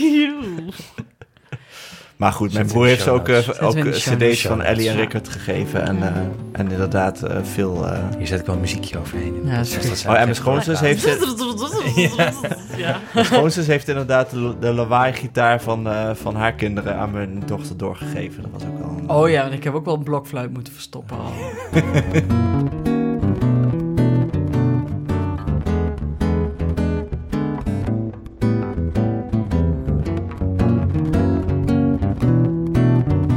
Ook nog even geld hebben. Over geld, of hoe je kinderen moet leren omgaan met geld. Ja, maar daar zijn wij niet goed in, hè, want wij zijn nog te, onze kinderen zijn nog te jong om met geld om te gaan, denk ik. Ik leer Janne nou net, ze mag nou net op het knopje drukken van de pinapparaat als we boodschappen doen. Oh ja, dat mag allemaal mag het bonnetje langs de blieper Ja, halen. dan zeg ik, we moeten centjes betalen. Maar dat is zo'n abstract idee. Ik moet eigenlijk zelf nog leren met geld omgaan. Ja, ja, ik ik ook. Ja. Maar waarom, waarom vraag je dit aan ons? Hoe heet ja, dat je? was een vraag van Annelies. Annelies. vraag- Annelies. je vraagt het aan de verkeerde mensen. Nee, ik je wist je het kind wel. Ik had een omgaan stukje- met geld? Ik had een stukje over... Nee, dat, dan ben je dus te laat. Oh ja, je had er Ja. een stukje over Ja. geschreven ooit. Omdat ik... ehm, ik weet eigenlijk niet meer hoe ik daarop kwam. Het kwam wel weer zoals allemaal stukken uit mijn eigen, uit mijn eigen omgeving. Waarom ik iets, iets wilde weten. Ja, volgens mij had mijn... eh, ja, ik ging uitzoeken wat je nou met rekeningen kan doen voor kinderen. Wat voor bankrekeningen die kunnen hebben. En toen ging ik dat uitzoeken en toen kwam ik erachter dat je dus een spaarrekening kan beginnen. En, eh, want, eh, want de oma wilde iets geven en eh, mijn broer wilde iets geven. En die kun je dus, kind kun je een spaarrekening geven en die kunnen ze dan op een achttiende beschikken ze daarover. Oh ja, die had ik vroeger ook. En toen Ja. bedacht ik me, ja, maar als ze dan 18 wordt en... Ik heb het daar ook nog met jou over gehad, volgens mij. En, toen, en ze hebben 10.000 euro op die rekening. Hoe, hoe weet ik dat ze dat niet in eh, één maand verbrassen dan? Niet? Spoiler, dat doen ze wel. Ik heb, Ja. ik heb mijn, ik weet, van 5000 euro ook opgezopen. Ja. Ja. En toen heb ik daar dus dat artikel over geschreven en mensen erover Gulden. gevraagd. Gulden. Zei ik euro? Ja. Gulden. Florijnen. ik heb al mijn ducaten toen opgedronken. Nou, afijn. Nee, maar bij het Nibud en, bij, eh, en, en, en zo'n eh, opvoedkundige die zei van zo vroeg mogelijk beginnen. Want op, een- op een vijftiende leer je niet meer met geld omgaan. Dus eh, op, een, op een vijfde of een zesde al, al zakgeld geven. Ik weet je wat, ik, weet je, ik word, zo, ik word zo moe van al dit soort dingen. Ik word er zo moe van. Dit moet je doen. Echt. Ik gewoon het idee al, nee, maar je moet naar oma suiker. Oh, schermtijd. Oh nee, je moet ze wel. Goed, echt. Ik zat pas gewoon op de fiets. Ik kwam, ging van Beuningen fietste ik naar huis met Alma. En de, de jep is stuk, dus het riempje dat kan niet vast. Net nu ze dat zelf vast wil klikken de hele tijd. Ik zei, nee, het riempje stuk, het riempje stuk. Dus ze zat op de fiets zonder riempje voor op het stoeltje. Onverantwoord. Oh, onverantwoord. Zonder helm. Ik denk, ik moet het heel erg vinden, dacht ik. En vervolgens ging ze tijd met als een soort trucker met de benen over het stuur hangen. Hing ze zoals een soort luie stoel. En ik denk steeds, ik moet echt boos worden. Ik moet nou streng doen. En op een gegeven moment, ik denk, ik denk de laatste tijd zo vaak, ik denk, ik denk, ik word gewoon moe van alles waarmee je moet beginnen. Ze mag gewoon een paar dingen niet. En de rest, sorry, het interesseert me gewoon Nee, maar eigenlijk dat is toch niet. gewoon... Sorry. Dat is, ja, zuchtend ouderschap, daar zijn we toch van? Zuchtend ouderschap. En ja, oh jee, wat nou als ze dat geld opzuipen? Ze zuipen het geld toch wel op. Ja, dat wel. Nee, dat is niet waar. Ik heb het ook niet opgezopen. Oh, Nee, maar jou- weer keurig dat die halve die, die ton jij weer had gespaard, die is gewoon verdampt in de huizencrisis. Dus ja, Had ik het net zo goed op kunnen zuipen. had je net zo goed kunnen opzuipen, ja. Nou ja, wat Nee, mijn- maar dat is wel... ehm, eh, dat kwam ook nog uit het artikel. Het, is, het zit ook voor een deel in, eh, in het karakter van kinderen. Want ze hebben serieus onderzoek met tweelingen gedaan. En financiële opvoeding. En de ene kant van de tweeling kan een heel impulsfiguur zijn... die gewoon alles opzuipt. En de andere kan een spaarder zijn. Ja, want wat was ook in het artikel van jou? Dat heb ik gelezen en dat er ook stond... Ja, je kunt wekelijkse budgetgesprekken houden met Ja. je 15 Nou, Nee, dan moet je met- Flikker op! Flikker op! Ik zat ik middelvingers zo naar het scherm. Nu was ik vandaag wel in zo'n bui dat ik bij alles zei... Inderdaad. "Bah, Wekelijkse Nou, budgetgesprekken. flikker Ja. op. Ik ken iemand die, die dus met zijn hele gezin... Vroeger hadden ze dus... Iedere week hadden ze gezins, gezinsvoortganggesprekken. Oh, hou... En die zijn- oh. Nou, van alle vier zijn er drie knettergek. ik overdrijf niet, hè. Hij was de enige die volgens mij een beetje normaal is. Potverdorie. Gewoon niet doen. Gewoon zeggen, nou nee, laat maar. Ik, Nou, wat mijn, mijn Nee, broer... maar je, gaat- je moet, je moet op een gegeven moment... Je krijgt, jij hebt toch ook zakgeld gekregen? En dan ging je of snoep mee kopen. Ja, jij ging daar snoep mee kopen Ik vind dat mijn... ja, maar, maar Ja. ik kreeg op een gegeven moment kwamen mijn ouders erachter dat ik van de gulden die ik iedere week kreeg, Ja. Dat ik daar snoep van ging kopen. En toen kwam ik op een gegeven moment thuis en zeiden mijn ouders, nou ga je even zitten, we gaan het over zakgeld hebben. En ik dacht, oh fuck. Ze komen Dus erachter. je had een voortgangsgesprek. Voortgangsgesprek. en toen zei mijn, zei mijn moeder, vanaf nu krijg je twee gulden. Want we merken dat je geld vaak snel op is. En toen dacht ik, ik krijg meer verantwoordelijkheid. En toen ben ik opgehouden met snoepen. Oh, echt? Wow, Ja, maar dat sprak wel aan op mijn schuldgevoel. Dus het was wel slim. budgetgesprek. Nou, maar mijn, Ja. mijn eh, broer en mijn schoonzus, die broer van de vraag, die doen dat dus best wel goed, vind ik. Want die, eh, als die kinderen iets willen, dan eh, mogen ze oude dingen op marktplaats zetten. Mijn schoonzus kan heel Oh, goed ja. marktplaatsen. Slim. Die zegt dan, zet het maar op marktplaats. En als je het verkoopt, dan is het geld voor jou. En dan kun je daar weer iets nieuws van kopen. Wat En leuk. zo leer je dus kinderen op een speelse manier eh, omgaan met geld. En ook de waarde van geld eh, leren. Ja, ze. Ja. en de waarde van je speelgoed. Precies. En dat je dus soms dan afscheid moet nemen van iets. Dat je niet alles kunt houden dan. Maar Ja, verkocht maken. dat eh, op Koninginnedag. Ja, nou, dat kan bijvoorbeeld ook. Ja. Ja, maar daar zie je ook wel weer... eh, eh, twee twee zoons van een vriendin van mij... Die, die, die hebben al heel veel zooi. En die verkochten dus ook heel veel op eh Koninginnedag. En die wisten ook zoveel, ongeveer twee keer zoveel weer terug te krijgen. Ja. Dus uiteindelijk gingen ze weer met een bak vol zooi terug naar huis. Dat die kinderen van alles gratis kregen en eh, verzamelden. Waar ze, het zijn twee hamsters, zijn dat.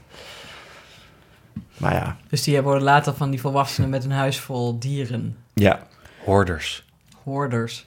Ik Maar, weet, ehm, weet, weet niet waar de vraag stond, maar dat is misschien Oh. ook eh, een goede om hierop in te haken. Ehm dat was een, iemand die vroeg van wat, eh, hoe zorg je ervoor dat je met een kinderverjaardag niet allemaal meuk in huis krijgt? Oh ja. Eh, want die kreeg een, eh, had een kind dat bijna één werd. En eh, wat moet je dan vragen, zodat niet iedereen met die zinloze zooi aankomt zetten? Ja, dat was Joost. Die had getweet.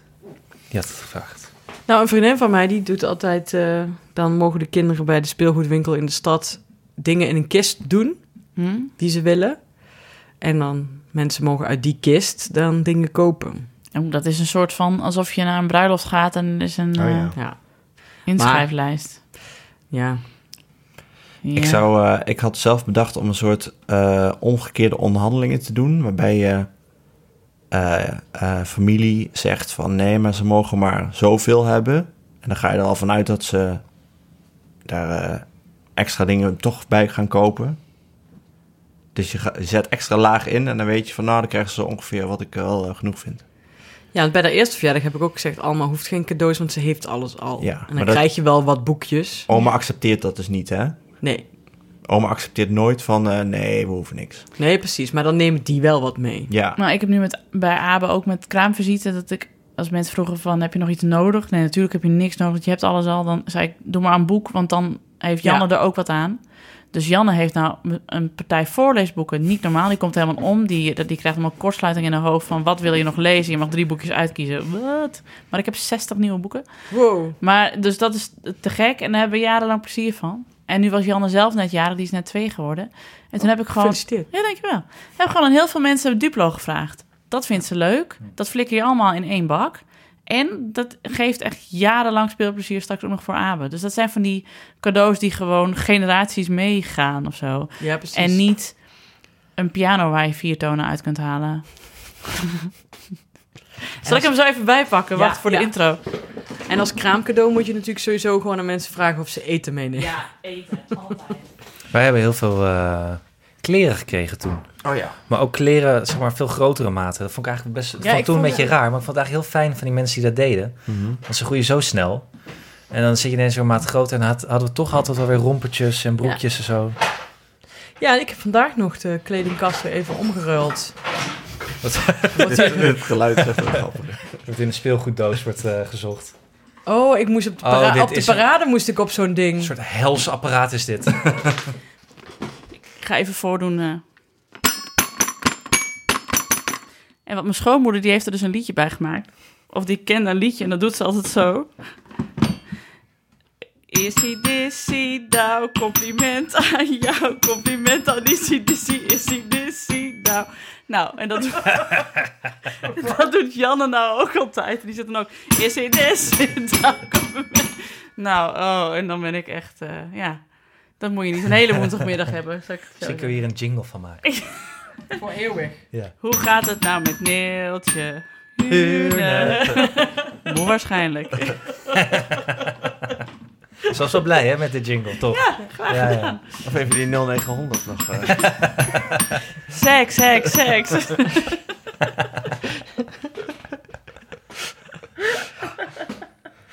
Koop dit niet. Moet ik er nog een paar dingen uit de kist pakken? Ik heb nog een die Elsa die eh, heel hard zingt. Er is eentje, er is een hele grote politieauto en er zit een knopje op. En als je daarop drukt, dan hoor je heel hard... Assistentie gevraagd! Midden in de nou, nacht. ik schrok me kapot. Die moet je meenemen naar de winkel voortaan als je ergens koffie gaat kopen. Assistentie gevraagd!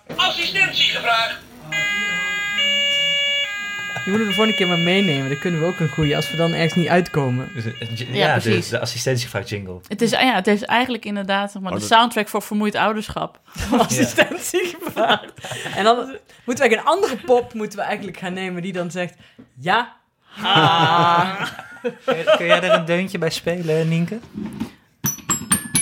Assistentie gevraagd. die klonk heel erg overtuigend.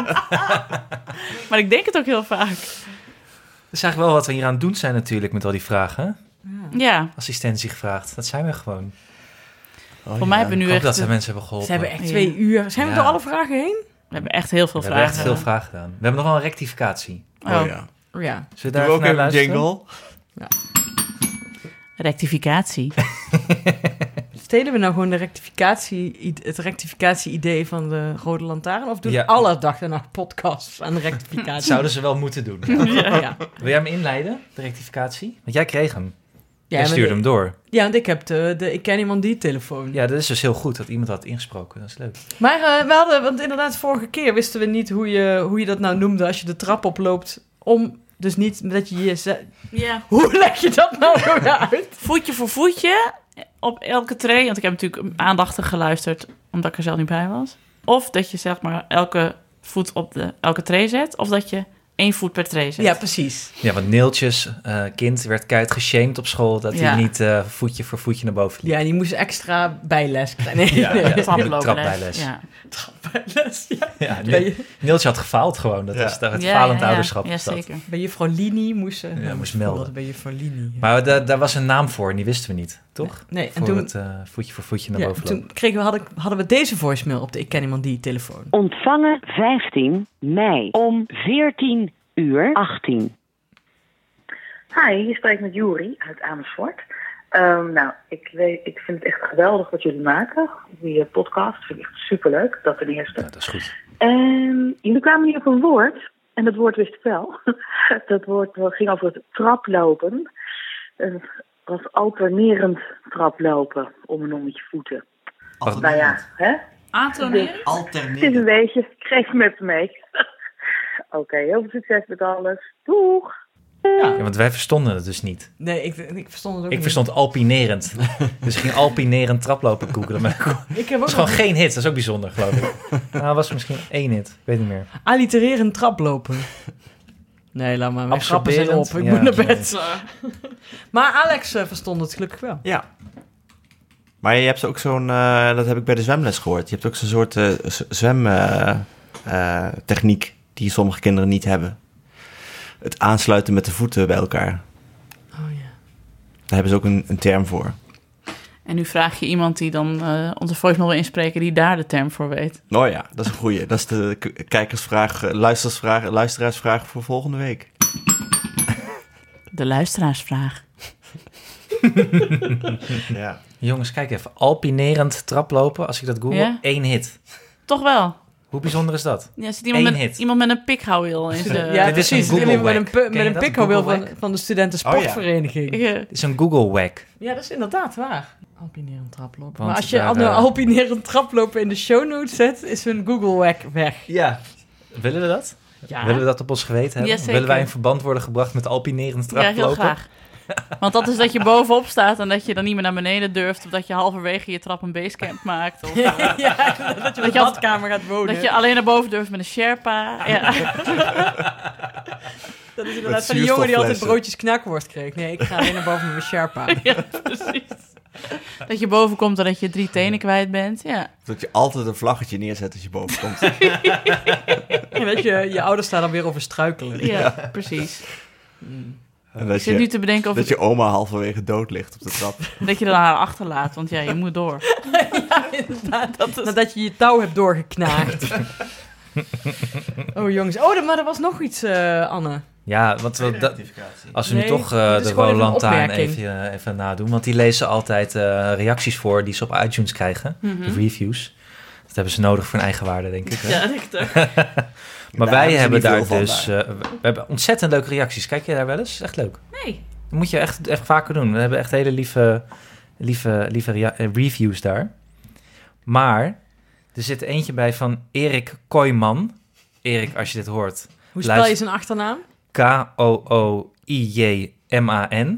Erik, ehm, Erik heeft geschreven, geweldig leuke podcast. Vijf sterren waard als aflevering 2 online komt. Maar die heeft ons dus één ster gegeven. En daarna nooit meer vijf sterren. Die heeft nooit niets van zich laten horen. Terwijl we al tien afleveringen hebben gemaakt. Ik hoop dat hij nog leeft. Het is Erik. Erik met een C trouwens. Is het toch geen familie van? Van Jan? Janko wel. Erik, als nee, je want- dit... eh zo op, even een oproep doen. Ja, Erik, als je, als je dit hoort, laat je even weten wat je nu van de podcast vindt. Of je het nu wel gewoon meer sterren waard vindt. Ja, het hoeft niet per se vijf te zijn. Nee, Ik bedoel, nee. Maar die, niet, het is dus meer dan één in elk geval. Ja, want hij had zijn lat Wat? ook echt laag gelegd. Alleen Ja, dat gezegd als er een tweede aflevering Ja. kwam. Ik vind nou, die dat had moet we dan je ook kunnen volle vullen, Precies. vullen met scheetgeluiden. Ja. Ja, Misschien kunnen we daar ook nog een podcastserie over beginnen.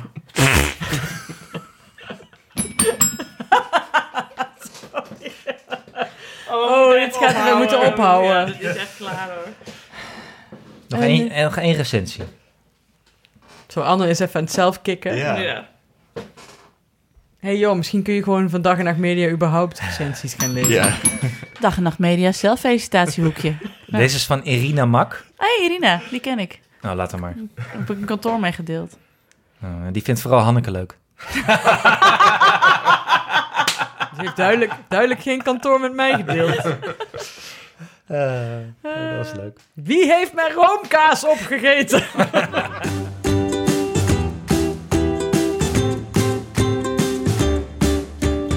Enfin, dat was het weer mensen. Dank voor het luisteren. Als je dit nou leuk vond, laat dan alsjeblieft een review achter op iTunes. En vertel het ons op Twitter. Wij zijn @ikkenniemandie. Ken jij een moeder of vader die dit zeker moet horen? Maak ze dan alsjeblieft attent op onze podcast. Heel veel dank aan jullie allemaal dit keer voor de vele berichtjes en vragen. En natuurlijk ook veel dank aan mijn vaste tafelgenoten Hanneke Hendricks en Alex van der Hulst. De productie was in handen van Anne Janssens van Dag en Nacht Media. We zijn ook nog steeds zeer benieuwd naar jullie eigen verhalen. Wat gaan jullie bijvoorbeeld doen met vakantie en de kinderen? Heb je een goed verhaal of vraag hierover? Laat het ons weten door een voicemail in te spreken op 06 81 80 4297. Het nummer zetten we ook in de show notes. Of mail ons met je verhalen of met vragen voor ons. Ons mailadres is ik@dagenacht.nl. En dan nog een tip. Abonneer je op de podcast van onze correspondent. Dat is een gezamenlijk project van 20 Nederlandse buitenlandcorrespondenten, overal op de planeet. In deze podcast brengen ze het grote en het kleine nieuws in kaart. Dus van onze correspondent. Oké, dat was het weer. Mijn naam is Nienke de Jong. Doeg!